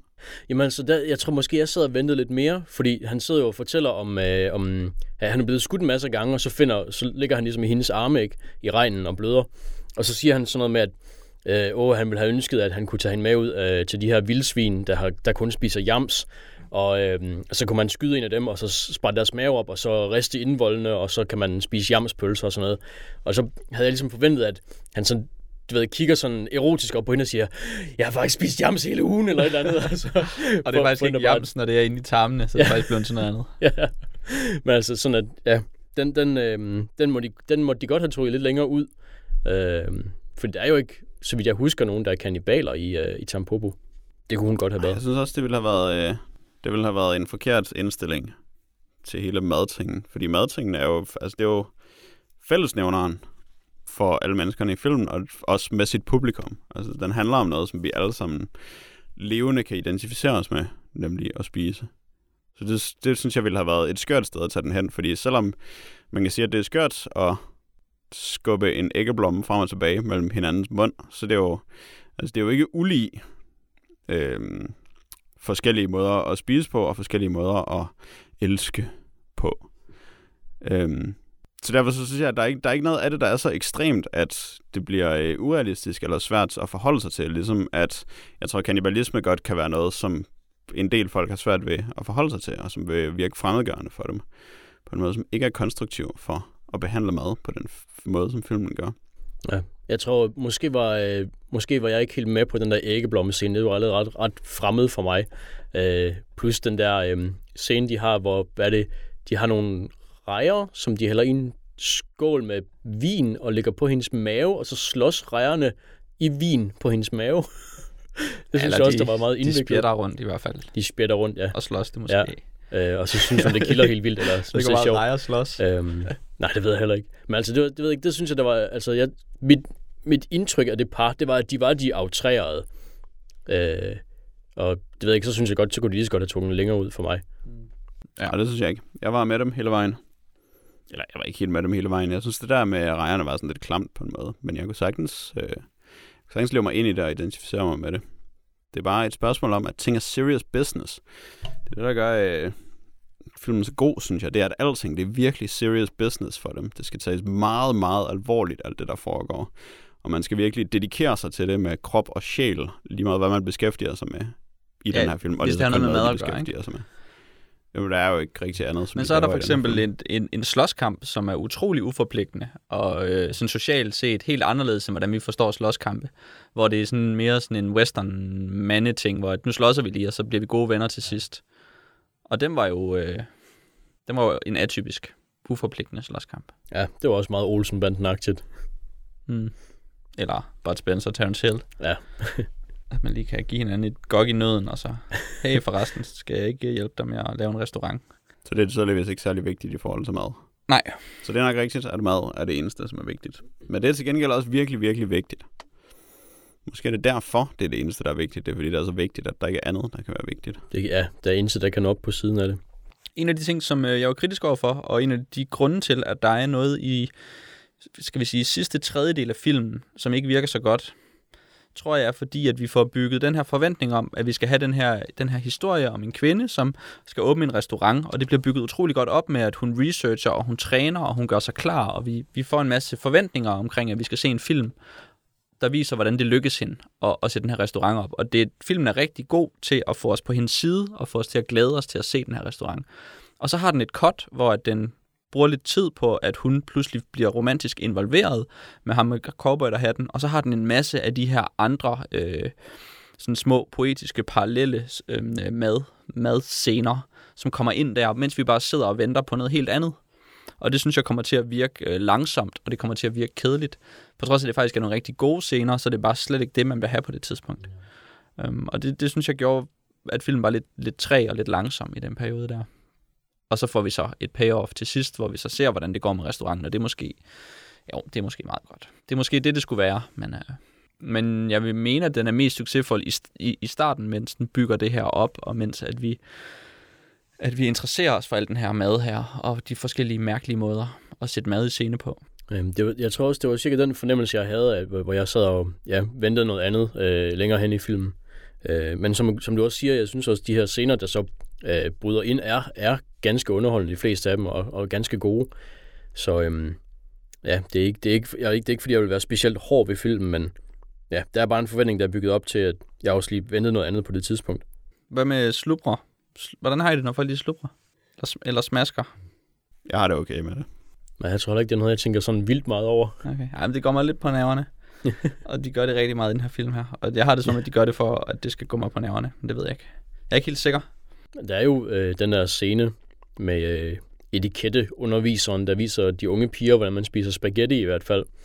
Øh, og hun er jo meget, eller i starten meget øh, forhippet på, at de ikke skal slubre overhovedet, når de spiser spaghetti, men den tykke mand over i hjørnet, han gør dem ligesom til skamme. Jeg synes, det virker meget, øh, meget naturligt. Så meget som de slubrer i den her film. Det virker meget rigtigt at spise nudler på den måde, som vi gør i hvert fald. Selvom man slubrer. Og det er jo meget... Øh, så får man også maden ind i lydsporet. I stedet for, at det kun er noget, man ser på. Så kan man virkelig høre, når nogen spiser, hvis de slubrer. Og det er jo nogle gode scener. Specielt der, øh, ja, den, der, der, hvor hun er blevet sådan forholdsvis god til at lave nudler, men ikke helt perfe- perfektioneret det endnu. Og så sidder hun, og så serverer hun fem skåle nudler over for sine, øh, sine tro følgesvende, og så skal de så øh, vurdere hendes nudler. Øhm, og, og filmen tager så god tid til de her scener, hvor de så skal sidde, hvor vi bare skal se på dem sidde og spise. Og det er ikke noget med, at de bare lige får en lille smule nudler, og så kan de lige smage, om hun har lavet det godt. Nej, de får en hel skål nudler, og de skal spise det hele og være dybt koncentreret, mens de spiser det. Og vi skal se på det. Um, og det synes jeg faktisk er ret sjovt. Øhm, fordi vi interesserer os af en eller anden grund utrolig meget for de her nudler på det tidspunkt i filmen. Det gør vi. Ja. Men de er også bare blevet nørdet så meget, at man er... Der er kommet så mange aspekter i det, når man er færdig med at se den her film. Øh, måske især den der scene, hvor de diskuterer, hvordan man laver nudlerne, synes jeg var rigtig god, hvor de sad og diskuterede, hvor længe han havde lavet dejen stå, og hvor mange gange han havde rullet den ud, og hvad det var for noget vand, han havde brugt og sådan noget, og skal prøve at øh, industrispionere den her oplysning ud af ham. Så alle aspekterne af nudlerne er bare så spændende, og så kan man næsten sådan føle, hvordan de gennemgår det, når man ser dem sidde og spise nudlerne, fordi man selv har fået så meget at vide om nudler på det tidspunkt, så man føler sig kvalificeret til at være med i scenen med dem. Og jeg synes faktisk, at den blev rigtig, rigtig spændende, den sidste, den sidste prøvesmagning, der er i filmen, hvor de alle sammen får den der skål, og hvor vi jo virkelig ser hele måltidet. Altså, så tror jeg faktisk ikke, der bliver klippet, mens de spiser nudlerne. Det var i hvert fald meget lang tid, mens de sidder og spiser dem. Og det blev rigtig spændende, fordi man sad og tænkte på alle de der ting, og, og man blev faktisk spændt på, om hun klarede det på en måde, som man ikke rigtig havde været i, sådan i løbet af filmen, fordi det er sådan en film, hvor man har på fornemmelsen, at hun nok klarer den til sidst. Øh, der. Men på den anden side, så er de ret hårde ved hende. Ja, det må man også sige. Altså, øh, så, øh, så bliver hun jo kritiseret konstant, og første gang, hvor at, at, at man tror, hun har lært en masse om at lave nudler, og har virkelig været en masse igennem, og tr- training montages, og, og research, og jeg ved ikke hvad, og så laver hun nudler til dem, og så bliver hun svinet til. og det kommer bag på hende, ikke? fordi det, Ja. det var jo ikke den, den, form for, den form for forløb, man havde regnet med, at det skulle være. Ja, det, det er rigtigt, altså. Det er ikke, øh, det, de er hårde ved hende, det er de. Så det er måske også derfor, at det bliver spændende til sidst. Øh, eller også til sidst, hvor man virkelig ikke ved, om hun, om hun klarer det, eller hvor man i hvert fald holder vejret lidt i sidste scene. I sidste nudelscene. Og på den måde minder den også en del om en sportsfilm, faktisk. Med al hendes mm. træning, og så er det sådan, om hun kan udføre det, hun har lært til sidst. Ja. Det er som om, den er alle genrer, den her film. ja. Jeg er også lidt, øh, lidt mondo med den der skildpadde, der bliver dræbt på kamera. Nå ja. Det er jo Ja. chokerende, når dyr dør på tv. For, til vores underholdning. Det er chokerende. Øh, fordi man så tit får at vide, at det er forkert. Så det er bare helt vildt chokerende, når man ser det på en film. Så vi sikkert har spist den bagefter. Og det er fjollet, for det er bare en skildpadde. Ja. Så er der også en film, hvor øh, til Bløde Weekend, hvor der var nogen, der dryssede salt på en snegl. Og så filmede den, mens den døde. Det var også sådan lidt... Det er også chokerende. Det er chokerende, når der er sådan noget... Øh, når der sker virkelige ting i film. Det synes jeg er lidt pjattet, at vi er blevet så forvente med den slags. Men det er jo også noget af den, det. undskyld, jeg afbryder, det er jo også noget af den spænding, der er i Tampopo, at den har de her scener med, med nøgenhed eller med dyr, der dør, øhm, som gør, at man, man har vidderlig en fornemmelse af, at alt det kan ske hele tiden. Og så sker der nogle virkelig mærkelige ting, altså overraskende ting. Øhm, også fordi man ved ikke, hvem, hvem der vi følger, man ved ikke, hvem kameraet pludselig vil, vil kigge hen på, og så får vi en ny historie om sådan en, en, en mand, der udgiver sig for at være en professor, og så spiser han bare sådan en eller anden lille, lille nudel klat helt vildt sjovt, og sidder med den i munden på en virkelig, virkelig Ja. underholdende måde. Ja. Um, er og sådan nogle fedt. ting, hvor at man, er, man er ligesom klar til det, og man er åben, og man accepterer, at den bare kigger på ham, og så sidder han bare med det der dumme stykke mad i munden. um, det, det åbner op for nogle muligheder, synes jeg, som, som filmen griber og gør noget ud af. Ja, men ret god. Ret god film. Det synes jeg også. Den er måske bedre, mens man ser den, end bagefter. Jeg har husket den øh, med stor glæde, lige siden jeg så den første gang. Så går jeg tit og tænker på den i forbindelse med mad. Så den har ikke gjort et stort og positivt indtryk på mig i den sammenhæng. i hvert fald. Især den der øh, første scene med ham, den gamle mand, der forklarer, hvordan man spiser ramen. Det, det er virkelig noget, som jeg meget ofte tænker på, når jeg skal spise. Den måde at tage det virkelig alvorligt at spise. Og sådan se på alle tingene og prøve at kombinere alle elementerne i det. Og adskille dem analytisk. det prøvede jeg faktisk også lidt at tage til mig, det der med, at når man får en ret, serveret en ret af andre folk, så skal man virkelig kigge på den. Kig på den. Ja. Hengivent. Ikke på den der ubehagelige stirrende måde, som hans protégé prøver først. Nej. Ja, protégéen er ikke nær så god. Så det vil jeg anbefale. Og så kan man sige, så er det måske også øh, en film, der har opnået noget, noget berømthed i madkredse, hvor vi går ud fra, eftersom at den jo faktisk er, den optræder i, øh, i det næste emne, som vi, jeg synes, vi skal tale om nu, fordi nu har vi talt om Tampopo. Ja. Vi kan lige konkludere. Rimelig god. Ja. Jack synes, den er fantastisk. Jeg synes, jeg synes Den, det er ganske god også. Altså. Dan, han synes også, Ja. den er rigtig god. Okay. Det, det er jeg ikke helt enig om, for det er den eneste film, jeg nogensinde har set, som har fået 100% frisk på RottenTomatoes.com. Det må jeg nok sige. Den er kun positivt anmeldt. Det må jeg nok sige. Mm. Mm. Hvor meget har GTA fået? Sådan. Øhm, nej. vi skal ikke tale om GTA. Vi Nej. skal tale om Lucy Nisleys øh, tegneserie fra 2013. Det er i år. øh, Det er ikke så tit, at han kan årstallet, men Nej, det lige er det nu. altså ikke. Øh, den hedder Relish, My Life in the Kitchen, og øh, det er hendes øh, andet længere værk. Den første er Milk fra 2008, og øh, det var en fiktiv historie om en mor og en datter, som oplever Paris øh, hovedsageligt ved at, at spise og drikke i Paris. Øhm, Relish, det er så en, en mere direkte biografisk tegneserie. Det handler om øh, hendes liv i køkkenet, som titlen antyder.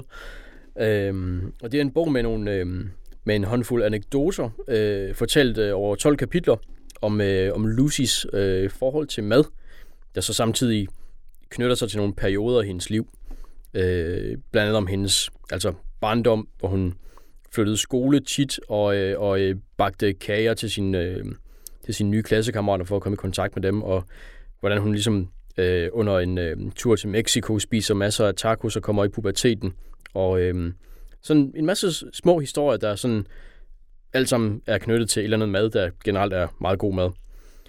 Øhm, den øh, er også suppleret med ind, ind imellem kapitlerne, eller i slutningen af hvert kapitel, øh, nogle øh, illustrerede opskrifter, for eksempel på hendes mors pesto, eller nogle småkager, som hun har lært sig selv at bage, eller sangria, øh, om, om man vil det. Og øh, nogle små, øh, hvad kan man sige, nogle små infographics, øh, for eksempel en lille øh, fremstilling af, hvad, hvad Lucy lærte, da hun arbejdede ved en ostehandler, eller hvordan hun øh, på et tidspunkt, øh, hvad hedder det, øh, stod i et, øh, i et køkken og øh, ved, ved en øh, kendt restaurant og øh, ligesom, øh, hvad hedder det, den der form for madlavning? Kemisk madlavning? Molekylær. molekylær madlavning, kemisk, kemisk krigsførelse.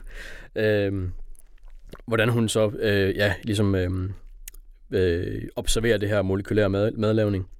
Og øh, det er en, øh, ja, som sagt en, en rimelig biografisk øh, fortælling, der så ikke kommer hele vejen omkring. Altså på et tidspunkt så hører man om, hun har en kæreste, og så senere er det hendes ekskæreste, men man hører ikke noget om, om det forhold. Så det er sådan nogle ja, små øh, håndplukkede øh, perioder af hendes liv, øh, der så går op til omkring hendes 28. år, som hun så er i, i 2013. Øhm, en af de ting, som jeg lidt tænkte på, da jeg læste den her tegneserie, det var det her med, hvad man kan... For jeg var ikke helt sikker på, hvad jeg skal forvente, når noget er en selvbiografi. Og jeg var ikke helt sikker på, om jeg fik det, jeg gerne ville have, da jeg læste den her tegneserie her. Kan man tillade sig at sige, at altså sådan en, øh, en tanke var der, jamen øh, en selvbiografi, den kan man jo ikke skrive, når man er 28. Der skal man jo være 75, og så skal man kunne reflektere over alt, hvad man, alle de valg, man har truffet i sit liv, og hvad de har resulteret i, osv. osv. Øhm, eller hvad? Hvor mange, øh, hvornår, hvad skal vi tænke, når vi, når vi samler en selvbiografi op? Betyder det noget? Jamen, jeg ved ikke om... Måske skal man bare lade være med at sige, at det er en selvbiografi, men at det er selvbiografisk i stedet for. Fordi det er jo obviously et begrænset udsnit. Det står der jo lige i titlen, at det er kun det, der er sket i køkkenet, som vi kommer til at høre om. Øh, og biografi, ja, men det virker nemlig så, øh, så voldsomt, som du også snakker om, at så skal man sådan opsummere et helt liv. Men det er der jo ikke nogen af de der tegneserier selvbiografikere, der gør. Det er bare sådan en lille sløder for en sladderhister her. Så selvbiografisk er det jo, men om det er en selvbiografi, det er måske lige at stramme den. Mm. Så det er i hvert fald et dårligt liv. Ja. Men det er jo også fordi, den ligger jo, altså den er jo sådan set meget faktuel. Øhm, ikke fordi, at det er ikke fiktion, øhm, men sådan, måske mere sådan essay, essay-skrivning. Og, men vi er måske ude i nogle genrer, som der ikke er så lette at markedsføre, eller så lette at beskrive.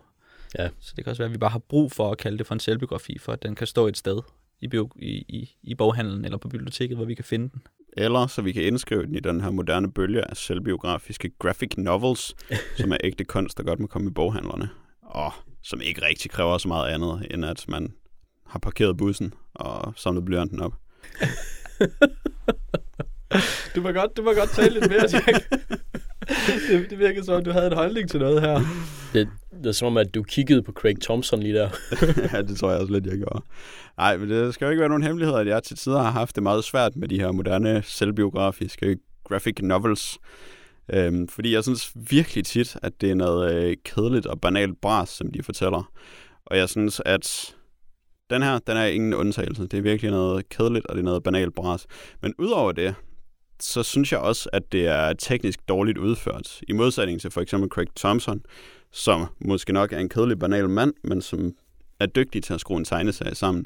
Så det her er alt for teksttungt. Der er alt for mange af de der 70'er captions, som bare beskriver præcis, hvad der foregår øh, med en masse, masse ord. Og så er der en tegning, som gentager det, som der lige er blevet forklaret med en masse, masse ord.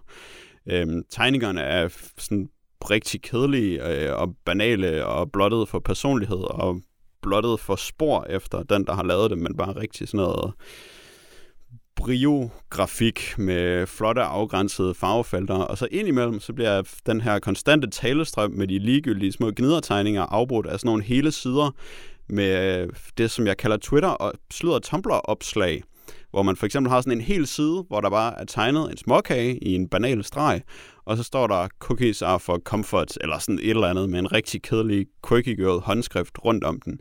Og det siger os ingenting. Det, det er rent fyld, og det er rent øh, slå det her op på dine tumbler, og så har du noget om småkager, og det er rigtig yndigt tegnet.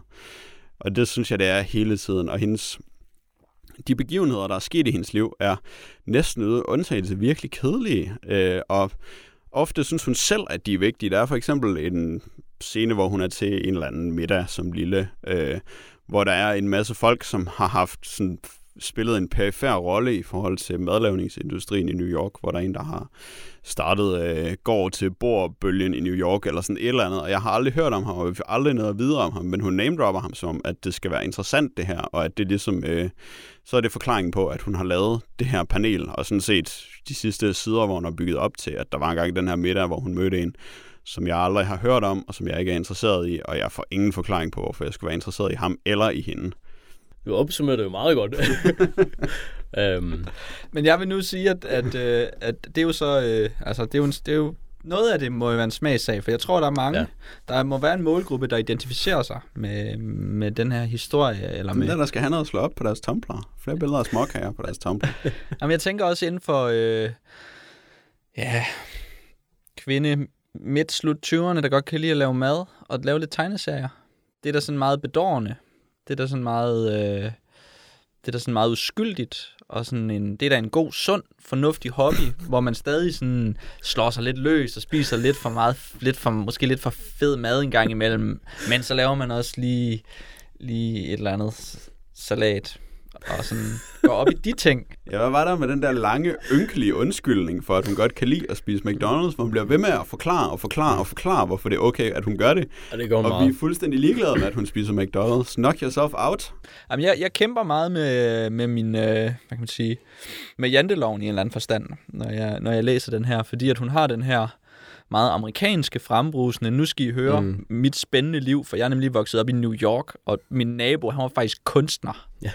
På den, og, og, og så, så sidder jeg hele tiden og spørger mig selv, hvorfor har jeg noget af det her interessant eller relevant? Hvordan er det, det hænger sammen? Hvad er det, det hvad beskriver det? Hvad, hvad er det, der foregår? Um, og der bliver jeg lidt, øh, lidt smålig, måske. I, i den sammenhæng. Eller det er i hvert fald en, en tanke, jeg har, ja. at, øh, at jeg accepterer ikke, at hun er noget eller at, at det har værdi, det hun gør. Ja. Og um, det, det ved jeg ikke, om, om det er ens fair. Jamen, jeg, jeg kan godt se det. Jeg, jeg synes også selv, jeg prøvede at, at afstemme mine forventninger en smule, før jeg skulle læse den. Fordi at jeg vidste jo godt, hun er født i 85, så det er jo ikke et, et altså det er jo ikke så Christopher Lees selvbiografi, vi skal læse her. Altså det er jo ikke så mange ar har hun ikke engang endnu. Men altså, det er, jeg, jeg, der prøvede jeg måske at skrue mine forventninger ret meget ned og sige, okay, my life in the kitchen, hun fortæller noget fra et køkken, og hun har, det ved ikke, boet i et køkken eller et eller andet, det ved jeg ikke. Jeg har ikke læst endnu. Øhm, og, og så, ja, og så prøver at, at gå til øh, hvert kapitel nærmest med, med forholdsvis åben pande, øh, og så se, hvad der skete.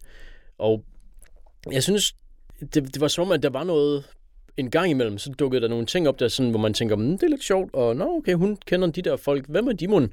Og så venter man, at der måske skal ske noget med de, med de her oplysninger, sådan at, at Øh, jamen, det ved jeg ikke, altså, at alting bliver pakket ind med en fin lille sløjfe, og så kommer man øh, til at forstå, hvad der sker senere hen. Men, men det, det gør man jo så ikke rigtigt. Altså, der er en masse ting, der bliver nævnt, og en masse bolde, der ligesom bliver kastet op i luften. Og så, så falder de bare sådan ned. Altså, så er der ikke så, er der ikke, ja, så er der ikke så meget i det, øh, som, som man måske kunne have håbet. Fordi jeg synes i starten, at det ved jeg ikke, der, der prøvede jeg at være åben for, at der sker nok noget på et tidspunkt. Og det, det, det gør der jo ikke så meget. Jamen, man kan måske sige, eller jeg kan i hvert fald stille, stille en mulighed frem, at den, den på meget kluntet vis og, og, og halvhjertet øh, omhandler øh, hendes forhold til sin mor, og måske også øh, det, at hendes mor og, og far gik fra hinanden. Mm. Og at hun på en eller anden måde skal behandle de ting, eller finde ud af, hvordan hun har det med, med sine forældre. For det er jo sådan set det, det, det gennemgående tema ud over mad, det er jo dem, ikke? Og så hvad det er, de har givet hende, og, og hvordan at faren, hendes, hendes far virkelig godt kan lide morens mad, så de må jo på en eller anden måde høre sammen, eller et eller andet. Det er rigtigt nok. Men det er også bare igen på sådan nogle, ja, som du siger, sådan nogle kluntede måder, at det sker på, og der er ikke, Øhm, altså så vidt jeg husker, så er det sådan, at hun starter med at fortælle, at hun er helt lille, og så bor de sammen i New York, og alt er fedt og sådan noget. Og så næste kapitel starter så med, at jamen, så er hende og hendes mor flyttet til upstate, hvor de flytter hen. Og så er der ikke rigtig noget, det er heller ikke en, det er ikke fordi, at man, man kommer til at forstå deres forhold, forældrenes forhold specielt godt. Og så på den måde, så kan man heller ikke rigtig følge i, hvad, hvad der kan ligge bag, eller hvordan hun behandler det, fordi hun, hun på nogen måde ligesom nægter at behandle det forhold. Og så hun bare sådan ligesom prikker lidt til det, eller sådan perifært siger noget om det. Øh, og det er, øhm, det, det er jo så ikke særlig tilfredsstillende, hvis man, hvis man skulle tro, at den handler om det forhold. Det er kun sidebemærkninger, man får om det, og det er rigtigt, at man, man på en måde, der føler man næsten, at det er interessant, fordi der kommer man lidt i nærheden af hende, og det er jo det, man gerne vil, når man læser noget selvbiografisk. Det var egentlig at lære noget om hende. Det gør man så ikke rigtigt, fordi hun virkelig undgår at komme i nærheden af det, og takler sådan alle hendes følelser i de fleste situationer meget, meget, meget let. Altså den der om, hvor hun skiftede skole, og hun havde det dårligt, taler hun om, at hun bagte småkager, i stedet for at tale om, hvad hun oplevede. Og småkagerne bliver aldrig en effektiv metafor for noget, ligesom de der måltider ikke gør. Der, hvor hun er blevet uvenner med sin far, og så som hævn spiser McDonald's, det er, igen, det er, det er så banalt, og det er sådan alt for tydeligt og alt for kedeligt. Altså, hun, hun satser jo ikke noget, og hun udleverer jo ikke noget af sig selv. Hun tager jo ingen chancer, og den, man kan næsten mærke den der desperate latter i slutningen af en, af, en, af en side, som er næsten ved at komme tæt på noget, eller ved at gøre ondt, og så ha, ha, ha, men så spiste jeg bare et eller andet. Og så puha, jeg håber ikke, at der var nogen, der fandt ud af, at jeg havde nogle problemer i virkeligheden.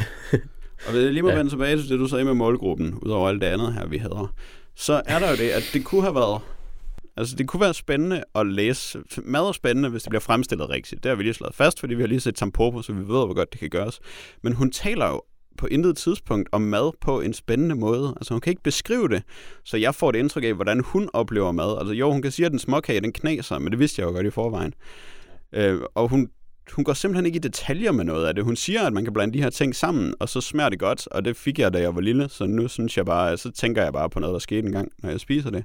Men jeg får intet at vide om, hvordan maden smager, eller hvordan den føles, eller hvordan man skal forholde sig til at spise mad, andet end at man skal spise en masse af det.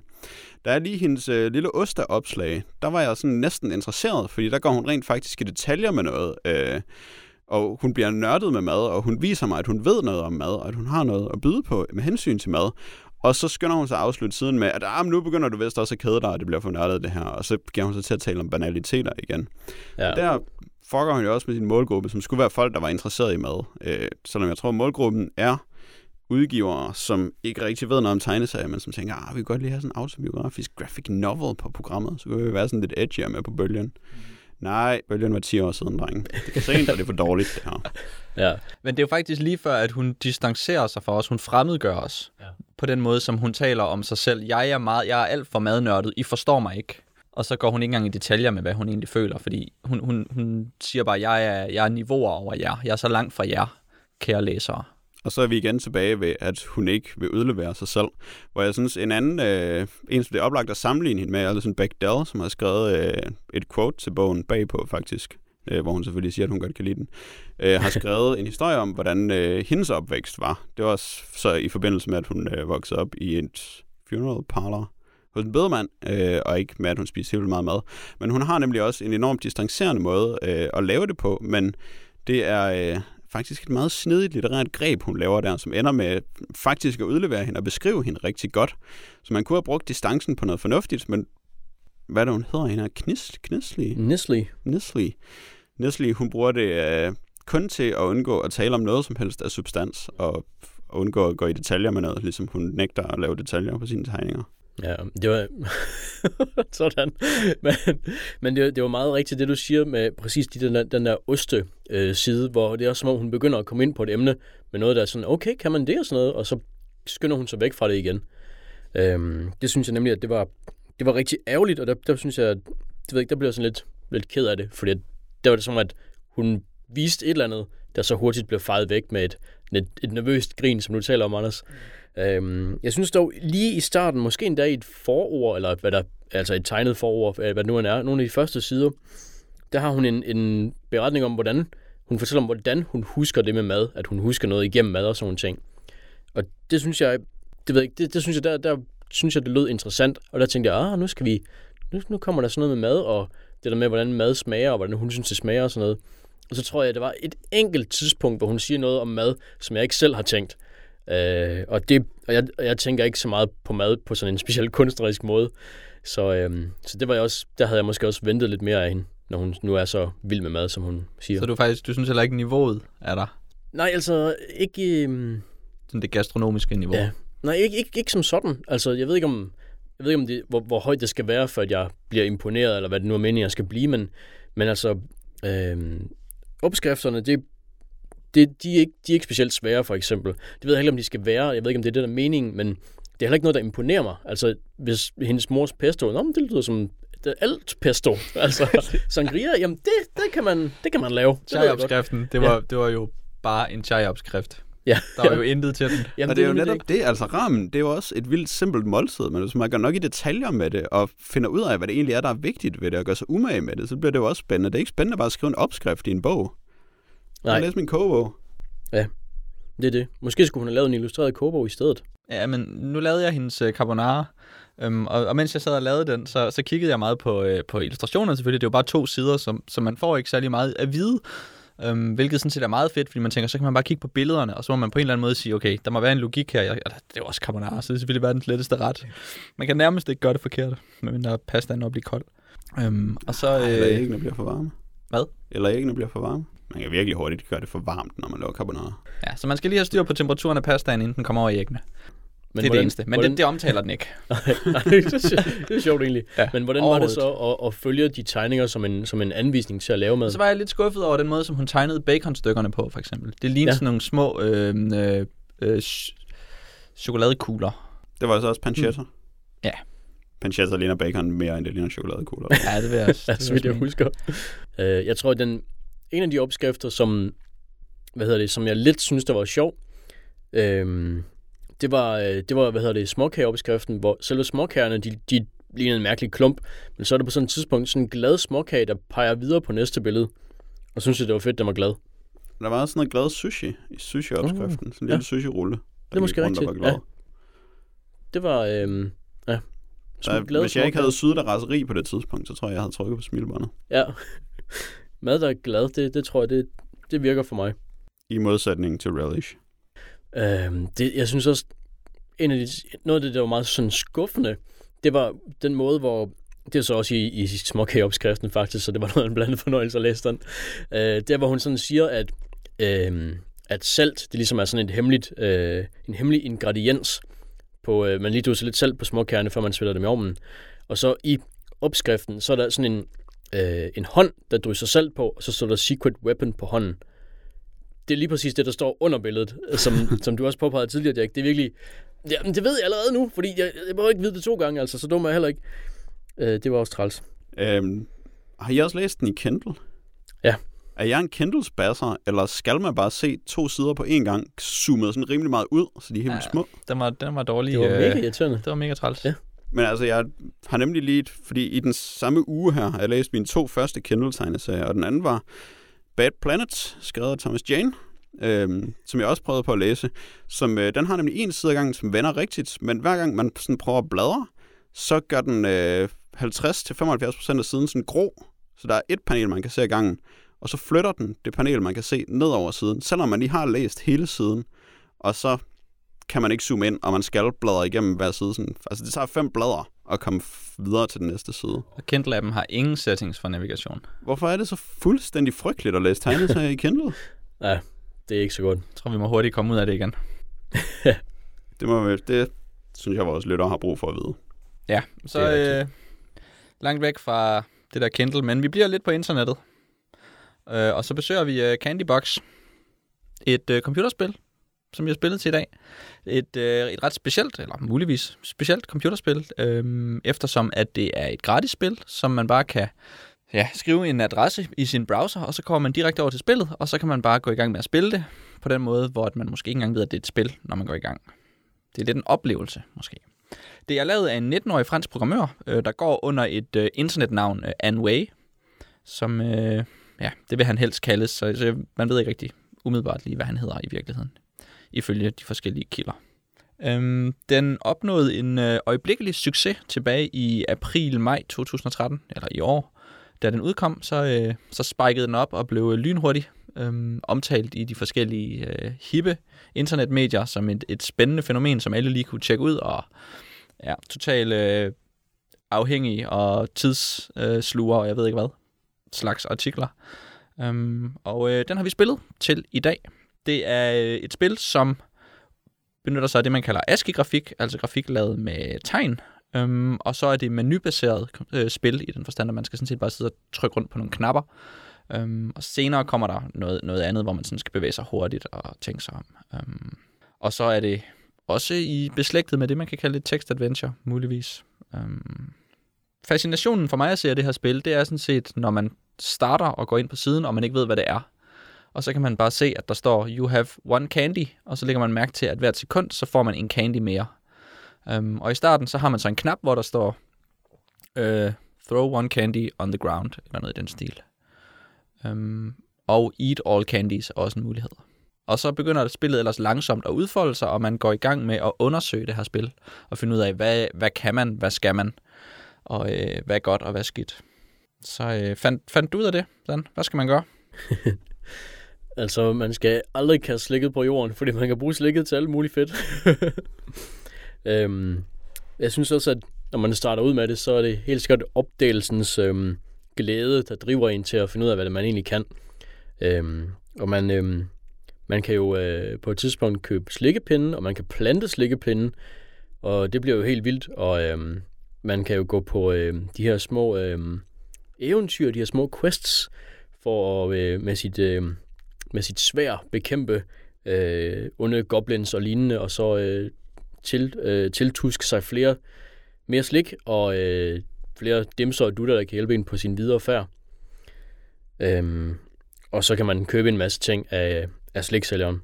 Ja, den her opdagelse, det er næsten som om, når jeg sidder, og, og når du taler om det nu, så har jeg det som, at jeg har min helt egen oplevelse af det her spil. Og det er slet ikke den, som du har, fordi at jeg, jeg opdagede de her ting. Der er ikke nogen, der fortalte mig, at man kunne plante slikkepinde. Jeg har det som, jeg selv skulle finde ud af det. Ja. I en vis forstand.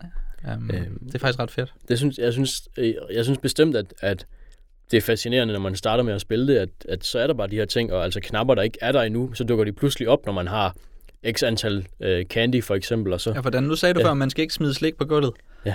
Men du ved jo ikke, hvad der sker, når man smider slik nej, på gulvet. Nej, det ved jeg ikke. Jeg, nej, det, det er rigtigt nok. Altså, jeg, altså, jeg, jo, jeg har smidt noget slik på gulvet, men altså ikke nok til, at, at der sker noget i hvert fald. Så det kan godt være, at der sker noget, hvis man smider mere slik, end jeg smed. Hvor meget slik smider I på gulvet? 10. What? Ej, jeg smed... Altså, man smider en af gangen, ikke? Eller smider man 10? Jeg tror, man smider alt slik på en gang, faktisk. Nej, man spiser alt slik. Ja, Når det ja man smider 10 gange. Ja, 10 gange. Okay. Jeg sad og trykket i helt vildt lang tid. så jeg smed måske et par tusind slik på gulvet. Wow. Jeg er sådan lige midt imellem, jeg smed 500 på gulvet. Hvad, hvad skete der? Der kommer sådan en smiley, der bliver mere og mere trist, jo flere man smider, indtil man når 100, skal oh. der ikke mere. Og det er faktisk ret fedt. Sejt, ja. Det, det var et fedt uh, lille aski, aski oplevelse. med det var smiley. Sige. Der var pengene værd, vil jeg sige. hvordan, øh, kan du ikke kommentere på den her, den her hvordan var din, din øh, udforskning af Candybox, Jack? Jamen, den var der udforskende. Øhm, Hvad gør du, når du udforsker? Har du en strategi? Ja, altså min strategi er jo bare øh, at prøve alting. Fordi spillet er jo sådan, at man, som du sagde, at man har sin slik-optælling, og det er sådan set det eneste, man starter med, så kan man ikke rigtig gøre noget. Man kan spise slikket, og man kan smide det på jorden. Øhm, og jeg tror, at det bedste øjeblik i spillet, det var nok det, hvor jeg kom op på så mange slikkepenge, at jeg kunne købe det der træsvær, eller hvad det er, man starter med. Fordi så kan jeg pludselig gå på quests, og så var det som om, det var et fuldstændig andet spil, end den her øh, sådan handelssimulator, eller hvad man skal kalde det, som det havde startet med at være, hvor jeg egentlig bare havde en ressource, som jeg kunne manipulere op og ned. Så var der et helt andet system, som jeg kunne kaste mig ud i. Så lige der, der var spillet allermest spændende, fordi der virkede det, som om alting kunne ske. Øhm, og så dalede spændingskurven jo ellers stødt derfra, hvor jeg så fandt ud af, at alt det, der ligesom skete efter det, det var bare sådan lidt opgraderinger, og de fleste af dem handlede bare om, at jeg skulle vente på, at jeg havde mere slik, eller flere slikkepinde, som i bund og grund jo er det samme. Øh, og så gav man så sådan set bare til, for hver gang man sådan ligesom trykkede på en ny knap, så fik man en eller to nye knapper, og så trykkede man på alle de knapper, og så hvad der skete, og så hvilke nye knapper, der kom ud af det, og så trykkede man på dem. Øhm, og så nåede man til det der punkt, hvor ens quests, de bliver til, de begynder at øh, kræve noget af en, hvor man skal bruge sine øh, trylledrikke på den rigtige måde, og sine skriftruller, øh, og hvor det bliver svært, og hvor man hele tiden ikke klarer sin quest, og dermed ikke får sin nye knap, og så skal man sådan prøve at blive bedre til det der spil. Og det spil, synes jeg ikke var særlig godt. Øhm, så der holdt jeg sådan set op med at spille spillet. Det var, øh, jeg nåede til dragen ind i borgen. Åh, oh, du kom ind i borgen. Og jeg nåede kun til indgangen til borgen. Nej, jeg kunne ikke komme ind i borgen. Den sad jeg også fast på øh, virkelig længe, fordi der var de der spøgelser, som kom løbende og halverede ens liv, og så kunne man ikke forstå, hvordan man skulle klare dem. Øh, og jeg troede kun, at der var fire forskellige skriftruller. Indtil jeg så købte en skriftruller og fandt ud af, at der er fem, hvor man også kan hedkalde en imp, som bare kan løbe foran en og dræbe alle spøgelserne. Den duede overhovedet ikke for mig. Det duede ikke. Nå, så spøgelserne er det, altså, jeg havde problemer med, med de ridere, når man skal ind i slottet. Ja, så kommer der en ildkugle eller et eller andet, der rammer en. Nå, ja, altså, så det er sådan, der ikke ved indgangen til slottet, men når man er inde i slottet, på vej hen mod dragen, øh, der hjælper det virkelig meget at være heldig. Det er tilfældigt, hvor mange rum, der er i den der borg, og sådan, hvad man møder i den. Øh, så jeg, og så ellers så bare bruge forskellige ting, fordi man er jo lidt ligeglad med, hvad man har, så man kan bare bruge sådan nogle sårlighedsdrikke og skildpaddedrikke og sådan nogle ting. Så bruger man bare dem, indtil man tilfældigvis kommer hen til dragen, og så er dragen mega svær. Okay, ja. Men den er til gengæld også fed, fordi den er en kæmpe aski drage, hvor øh, de, alle monstrene, de er jo egentlig bare tre bogstaver efter hinanden, som kommer løbende hen. Men så er der dragen, som er en kæmpe drage.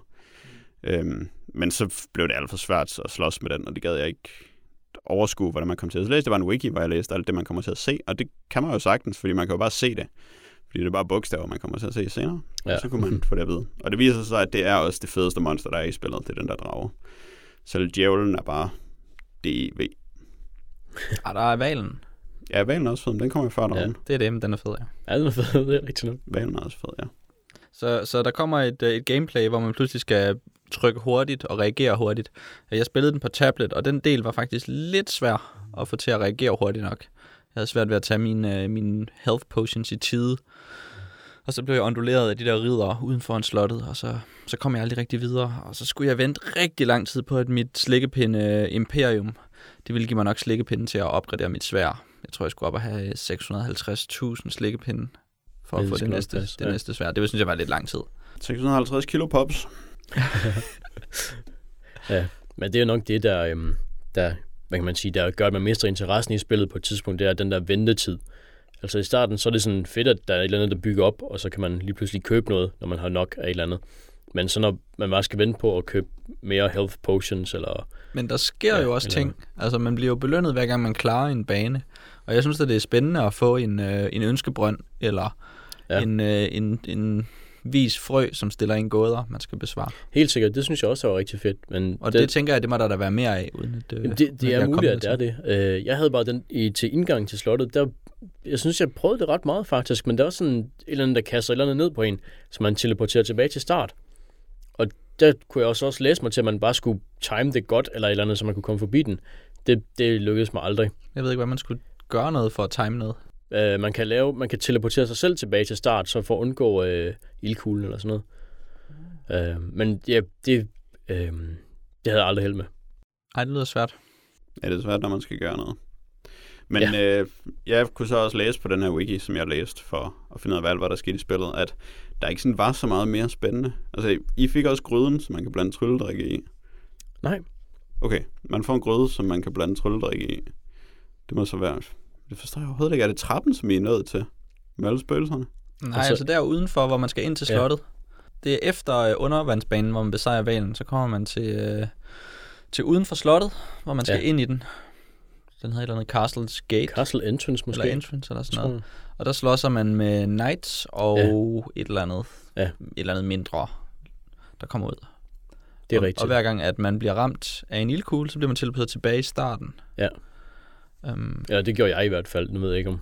hvor, Jamen, det er hvor rigtigt. Jeg- forskellige banerne er. Så I er ikke noget til Necromanceren, som triller spøgelser og Piles of Corpses Niks. ned mod jer? Nå. Det kan jeg overhovedet ikke huske, at det var svært. Altså den der trappe med Necromanceren, der smed spøgelser og Piles of Corpses ned mod en, det var, øh, det var der, hvor jeg synes, det blev svært. Den, den der kan jeg overhovedet ikke huske. Hvad Nå, så er det nok run? efter den, man får en gryde, som man kan blande trylledrik i. Øhm, og det er sådan et helt nyt menupunkt, det er som ens candybox og ens inventory og sådan noget.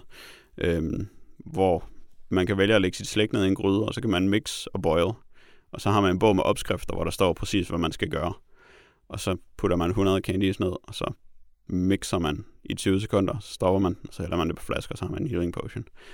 Øhm, og det er sådan, indtil man når til øh, developers computer, som er det sidste, man får, der er det sådan det eneste, man skal. Og det er jo bare at vente på, at man har candies og lollipops nok til at kunne lave store healing potions, og så løbe ind i slottet igen.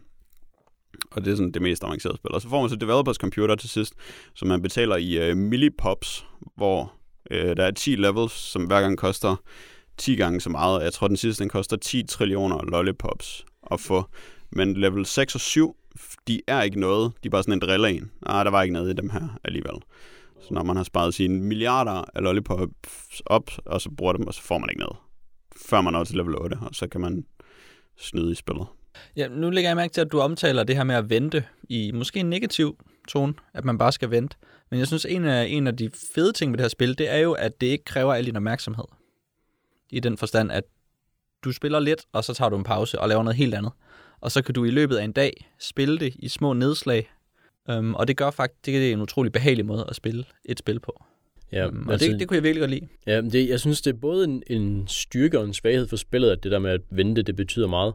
Fordi at, når man så er på en quest, for eksempel, øh, skal, skal, man, man skal slås mod valen der, ikke? så kan man jo ikke bare vente til questen er overstået.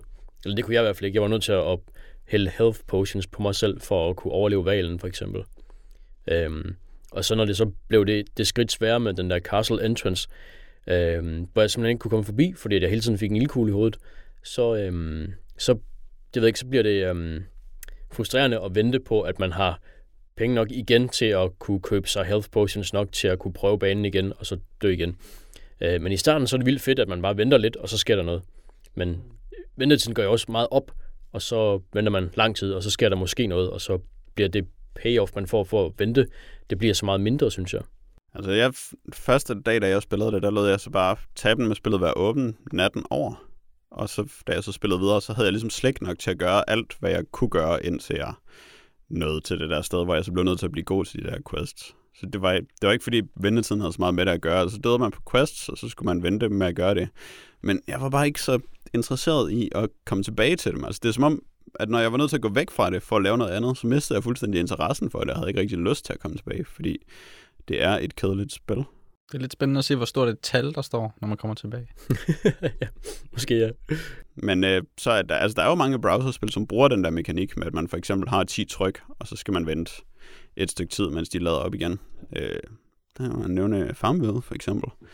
Øh, og det kan godt fungere meget fint, men det kræver bare, at det er sjovt, det der sker, når man så kommer tilbage. Og det er der, hvor Candybox det hurtigt bliver... Altså det er sjovt at gå og udforske det, men man ved også godt, at man er lidt en idiot, hvis man udforsker det hele, fordi på et eller andet tidspunkt, så bliver det bare så meget tid, der skal bruges på at samle slægt sammen, at det kan umuligt være det værd, det man opdager. Og man vender sig til lidt, hvad det er for en slags ting, man opdager, så det er ikke helt vildt spændende længere. Mm. Sådan lidt honeymoon-syndrom. ja, det tror jeg, det er rigtigt nok. Altså, spillet er jo mere eller mindre en gimmick, som er det der sjove setup, hvor man virkelig ikke ved, hvad man kan forvente sig af spillet, og hvor det udvikler sig helt vildt, og det man sådan, Ja. man er fuldstændig uforberedt på, hvad der foregår, men så vender man sig til, hvad der foregår. Og så sidder man bare og spiller Candybox, og er en af de andre Candybox-tabere. Ja, altså nu sad jeg jo og så en kedelig fodboldkamp og spillede Candybox imellem, imens, og det passede rimelig godt sammen. Ja, de det er måske meget godt at de, bare... de forstyrrede ikke hinanden, og, og det kunne man sagtens. Ja, det er meget godt bare at have det kørende, mens man laver noget andet, der er kedeligt. Altså jeg synes hellere, at man skulle lave én ting, der var sjov. Det er dig og dine forslag. Og man kunne godt lave en sjov ting og en kedelig ting, men altså, det virker fjollet at Ja. lave to kedelige ting. Det er Og måske... det blev Candybox. Det er sjovt at prøve, men hvis man så Ja. ja. hørt os tale om det nu, så er det ligesom også spoleret. Fordi jeg vidste ingenting om Candybox, ja. da jeg kom Jamen, det til det. det. Og derfor var det interessant. Men hvis man ved, hvad det er, så er der Så der er virkelig ikke meget at komme efter. vi Så hellere bare advarede læse ikke, wikien. Vi har, ja, ja, vi har ødelagt det for jer alle sammen. Sorry. Til gengæld hører de os. Men altså, det er okay, I slipper for at spille Candybox, fordi Ja. det er ikke sådan... Man tænker ikke rigtig, wow, der fik jeg brugt mit liv konstruktivt. Nej, det gør man trods alt ikke. Den sidste time, jeg spillede det. Ja. Den første time var sjov, den sidste time, det var øh, slik. Jeg har spist for meget slik. Øh, gåderne. Frøens gåder. Et, øh, et indslag, der godt kunne have været mere af. Hvor Ja. man ligesom fik det her tekstniveau ind. Ja. Hvor, man skulle, hvor den stillede en gåde, og så skulle man skrive et svar. Og man Ja. følte som om, at man kunne skrive alt. Fordi sådan er det med tekst-adventure-elementer. Det er det. Meget fedt. Jeg skrev as på rigtig mange af gåderne. Hvor mange gange var- skrev du candy som et svar på noget? Det var også en hel lille gang. Det var måske næsten alle gange. Men ja, det er sjovt at gætte gåder. Ja. Det er sjovt at spille Candybox. Det er en del af Candybox, Jack. Fem Ja. ja. gåder. Fem usle gåder. Det var alt, hvad jeg fik. Nej, det kunne have været mere. Det kunne have været i, i andre afskygninger også, at det, det var Og koldt. der er ikke reklamer på siden. Oh my god. Det synes jeg er stærkt. Ja. Godt gået Anway fra Frankrig. Ja, Anne-Marie. Godt programmeret med ingen reklamer. Ja, super. Super programmeret. Det var, øh, det var dagens emner. Ja. Food for thought. Den, øh, den gemte du lige til sidst. Den slog mig lige nu. okay.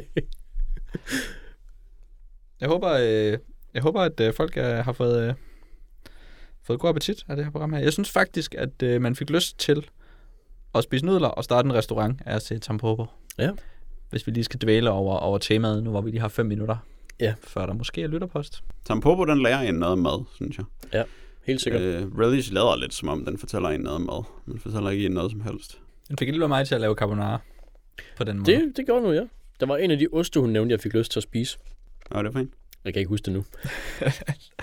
Satans, ellers skulle vi udfordre dig til næste gang, og så skulle du anmelde osten i runden. Ja. Men det kan vi ikke. Det kan vi ikke. Ja. Vi ved ikke, hvad det er for en ost nu. Og Candybox, måske lidt søgt. Det var ikke til at sige, hvad der var i den. Der var slet ikke. Altså, det var jo det der Tom Hanks citat med, at man ikke ved, hvad det er, man får, når man åbner Candybox i sin browser. Det er rigtigt. Ja, det var vist ordret citeret. Og det var fedt.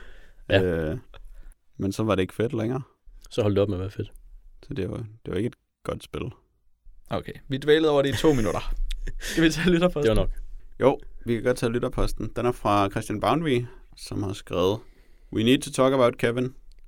Eller rettere, We need to talk about Robocop. Jeg vidste godt, at de var i gang med et remake, og med de mener jeg selvfølgelig de kyniske pengemænd, som lever af at knippe den laveste fællesnævner endnu længere ned i sølet.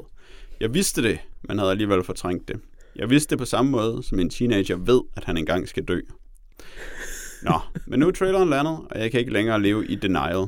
Se trailer her og diskuter.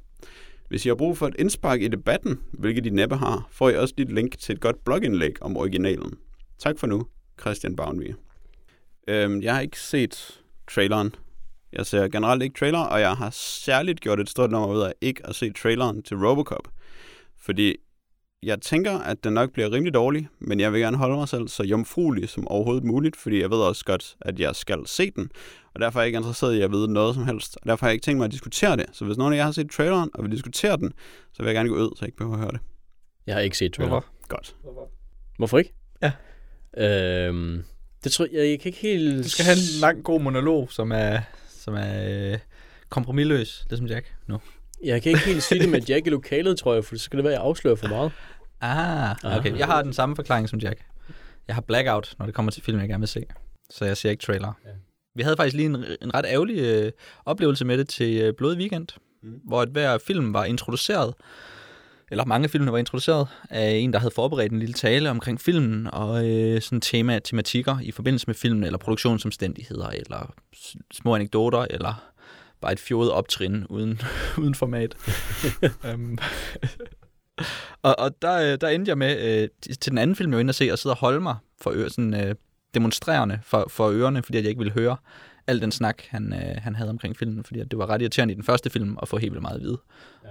Og så sidder jeg og tænker på det, mens jeg ser filmen.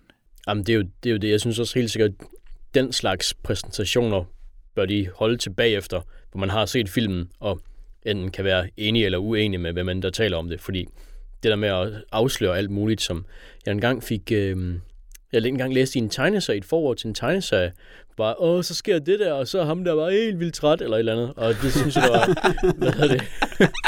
nu siger jeg ikke den rigtige spoiler, vel? Altså, men altså, det synes jeg, der var virkelig irriterende, og det var virkelig sådan et, et, et større punkt i, uh, i historien, der, der blev afslået der. Så det synes jeg, det kan jeg godt forstå, at man ikke, man ikke har lyst til. Det, som folk er svært ved at forstå, det er, at man ikke vil vide noget. Så der er tit sådan nogle ting, som folk synes, det er jo ikke en spoiler om filmen, det her, men det er alligevel, hvor man fortæller et eller andet. Som for eksempel, hvem der spiller Robocop. Det har jeg ikke lyst til at vide. Øh, og jeg har det som om, jeg måske har hørt det, og hvis jeg tænker for meget over det, så kommer jeg i tanke om det. Så hvis vi måske kunne tale om et andet eksempel i stedet for. Men altså, på der, så, så lidt har jeg lyst til at vide om en film, som jeg gerne vil se. Vi kan vide, hvem der er med i den. Fordi når man ikke ved noget som helst, så kan alt ske. Som vi talte om i forbindelse med Tampopo. Hvis man, hvis man vidste, den mest freaky scene, det er den med rejerne på maven. Så når man havde set den, så vidste man jo, det var den mest freaky scene. Så kan alt ikke ske længere. Så det, så det er slut. Ja. Så, så, så vi har lidt en podcast her, hvor vi definitivt kan ødelægge medieoplevelser for alle. det er det. Det, det er vores hævn. Det er vores hævn på, på alle. Men øhm, nej, jeg, jeg synes, øh, jeg er egentlig langt hen ad vejen enig, fordi at jeg synes, at især trailer til forskel fra tidligere, eller så er det bare noget, jeg bilder mig ind, så er det blevet meget, meget dårligere, og så afslører de meget, meget mere handling. Så at der er nogle trailer, jeg ser, øh, når jeg så øh, stadig ser dem, hvis jeg stadig ser dem, der afslører al handlingen, og så ved jeg præcis, hvad der foregår. For eksempel med Tom Cruises uh, Oblivion. Nu ved jeg ikke, hvem det er, jeg kan ikke huske, hvem der har lavet den, Tom Cruises Oblivion. Mm. Den afslører alt, og så sidder man bare og venter på, at det sker, fordi så man gerne vil vide noget, komme til noget, der ikke sker. Men det er der så ikke, fordi at traileren siger det hele. Og så er der de der folk, der siger, undskyld jeg afbryder, der siger, Jamen, nu siger jeg så ikke noget om den, men jeg siger bare, at... og så siger de noget alligevel. Og så så er det også irriterende. Ja, nemlig. Så siger de bare sådan, hvem der er med i den, eller et eller andet. Ja. Så siger de, ah, det ved alle jo. Jamen, jeg vil ikke vide det. Ja, det er det. Bare hold op med at tale, når folk de siger, at de ikke vil vide noget om den der film. Og problemet er, at man virker som den største idiot, når man argumenterer for, at man ikke vil vide noget som helst. Man ja. virker simpelthen hysterisk og latterlig. Men sådan er det. Ja. Men det gør man alligevel. Ja. Man kan lige godt også det der. Igen, det er derfor, vi har en podcast, ikke? så vi kan tale om uh, Robocop-traileren, når vi har set filmen. Jeg tænkte ellers, det kunne være sjovt uh, at få uh, lyttere til at se den og tale om den, men det går jo ikke. Men vi kunne lave sådan et segment, hvor kun Dan var her. og så kunne Dan læse det op og kommentere det. Dans trailer-time.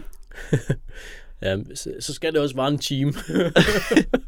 Men så skal lytterne se traileren til Robocop, og så skal Dan fortælle om deres oplevelser. Så skal han læse deres lytterpost op til dem og reflektere over det og tale med dem om det. Men Anders, du skal jo redigere det. Ja. Dans uredigerede trailer-time. med meget grunden og snorken, der kommer med der. altså, jeg er frisk på det hele der, ja. du siger bare til. Ah. Ja. Vi kan, jeg, jeg synes måske, det er en skam at gøre det med Robocop, fordi der er måske også en, en del af mig, der ikke har lyst til at vide særlig meget om den. Det er også bare ærgerligt at skuffe Boundary på den måde. Jamen, det kan jeg også godt se. Det, det er også noget, der virkelig... Det bliver vi nødt til. Desværre ja. Boundary. Vi har ja. vores principper. Der, der skuffes du denne gang, men altså, vi taler om filmen, når vi har set den. Peter Weller. Har vi tale om. I, øh, som skurken i, øh, i Star Trek Into Darkness. Og han taler virkelig Robocopsk. De har lige gjort ham til sådan en krigsliderlig admiral. Så, så de lige tonet stemmen ned, så han, han interfererer med Robocop. Vi kan også se den nye sæson af Sons of Anarchy. Taler om Peter Weller. Er det... Hvad, hvad nummer er det? Syv eller sådan noget. Wow. Fem for mange, tror jeg også, man kan kalde den. Ja, det Og ham også. for Terry også. Åh. Oh. Oh. Eller Blade. Ja, eller Blade. Quinman, ja. Ja. Og nu, jeg husker lige Terriers, nu hvor du sagde det. Bare Peter Weller havde været med i Terriers. Ja. Vildt godt. Det ville være sejt. Anden sæson af Terriers med Peter Weller. Ja i alle rollerne. og så vågner du op halvvejs igennem serien. Shit, det var en drøm. jeg har alligevel fået suppen til at koge, og så smed det helt på jorden. Ja, ja, ja. vælte det ned på jorden i din egen restaurant. Nå, øh, der er ikke mere lytterpost. Nej. Men igen, øh, tak til Bavnvi, og vi, vi beklager. Det gør også virkelig ondt. Det gør det. Øhm, hvis man vil skrive ind til vores podcast med øh, kommentarer til den her, eller måske andre podcast, man har siddet og hørt, mens man har øh, travet op til nudelbarn, fordi man skal lige have den der med ekstra forsløg, som de har inde ved Tampopo, øhm, så kan man øh, skrive ind til post og så vil vi øh, glædeligt læse dig op i øh, næste episode. Det er i dag, onsdag den 9. oktober, og det betyder, at vi er tilbage igen om 14 dage, den 23. oktober. Farvel og tak.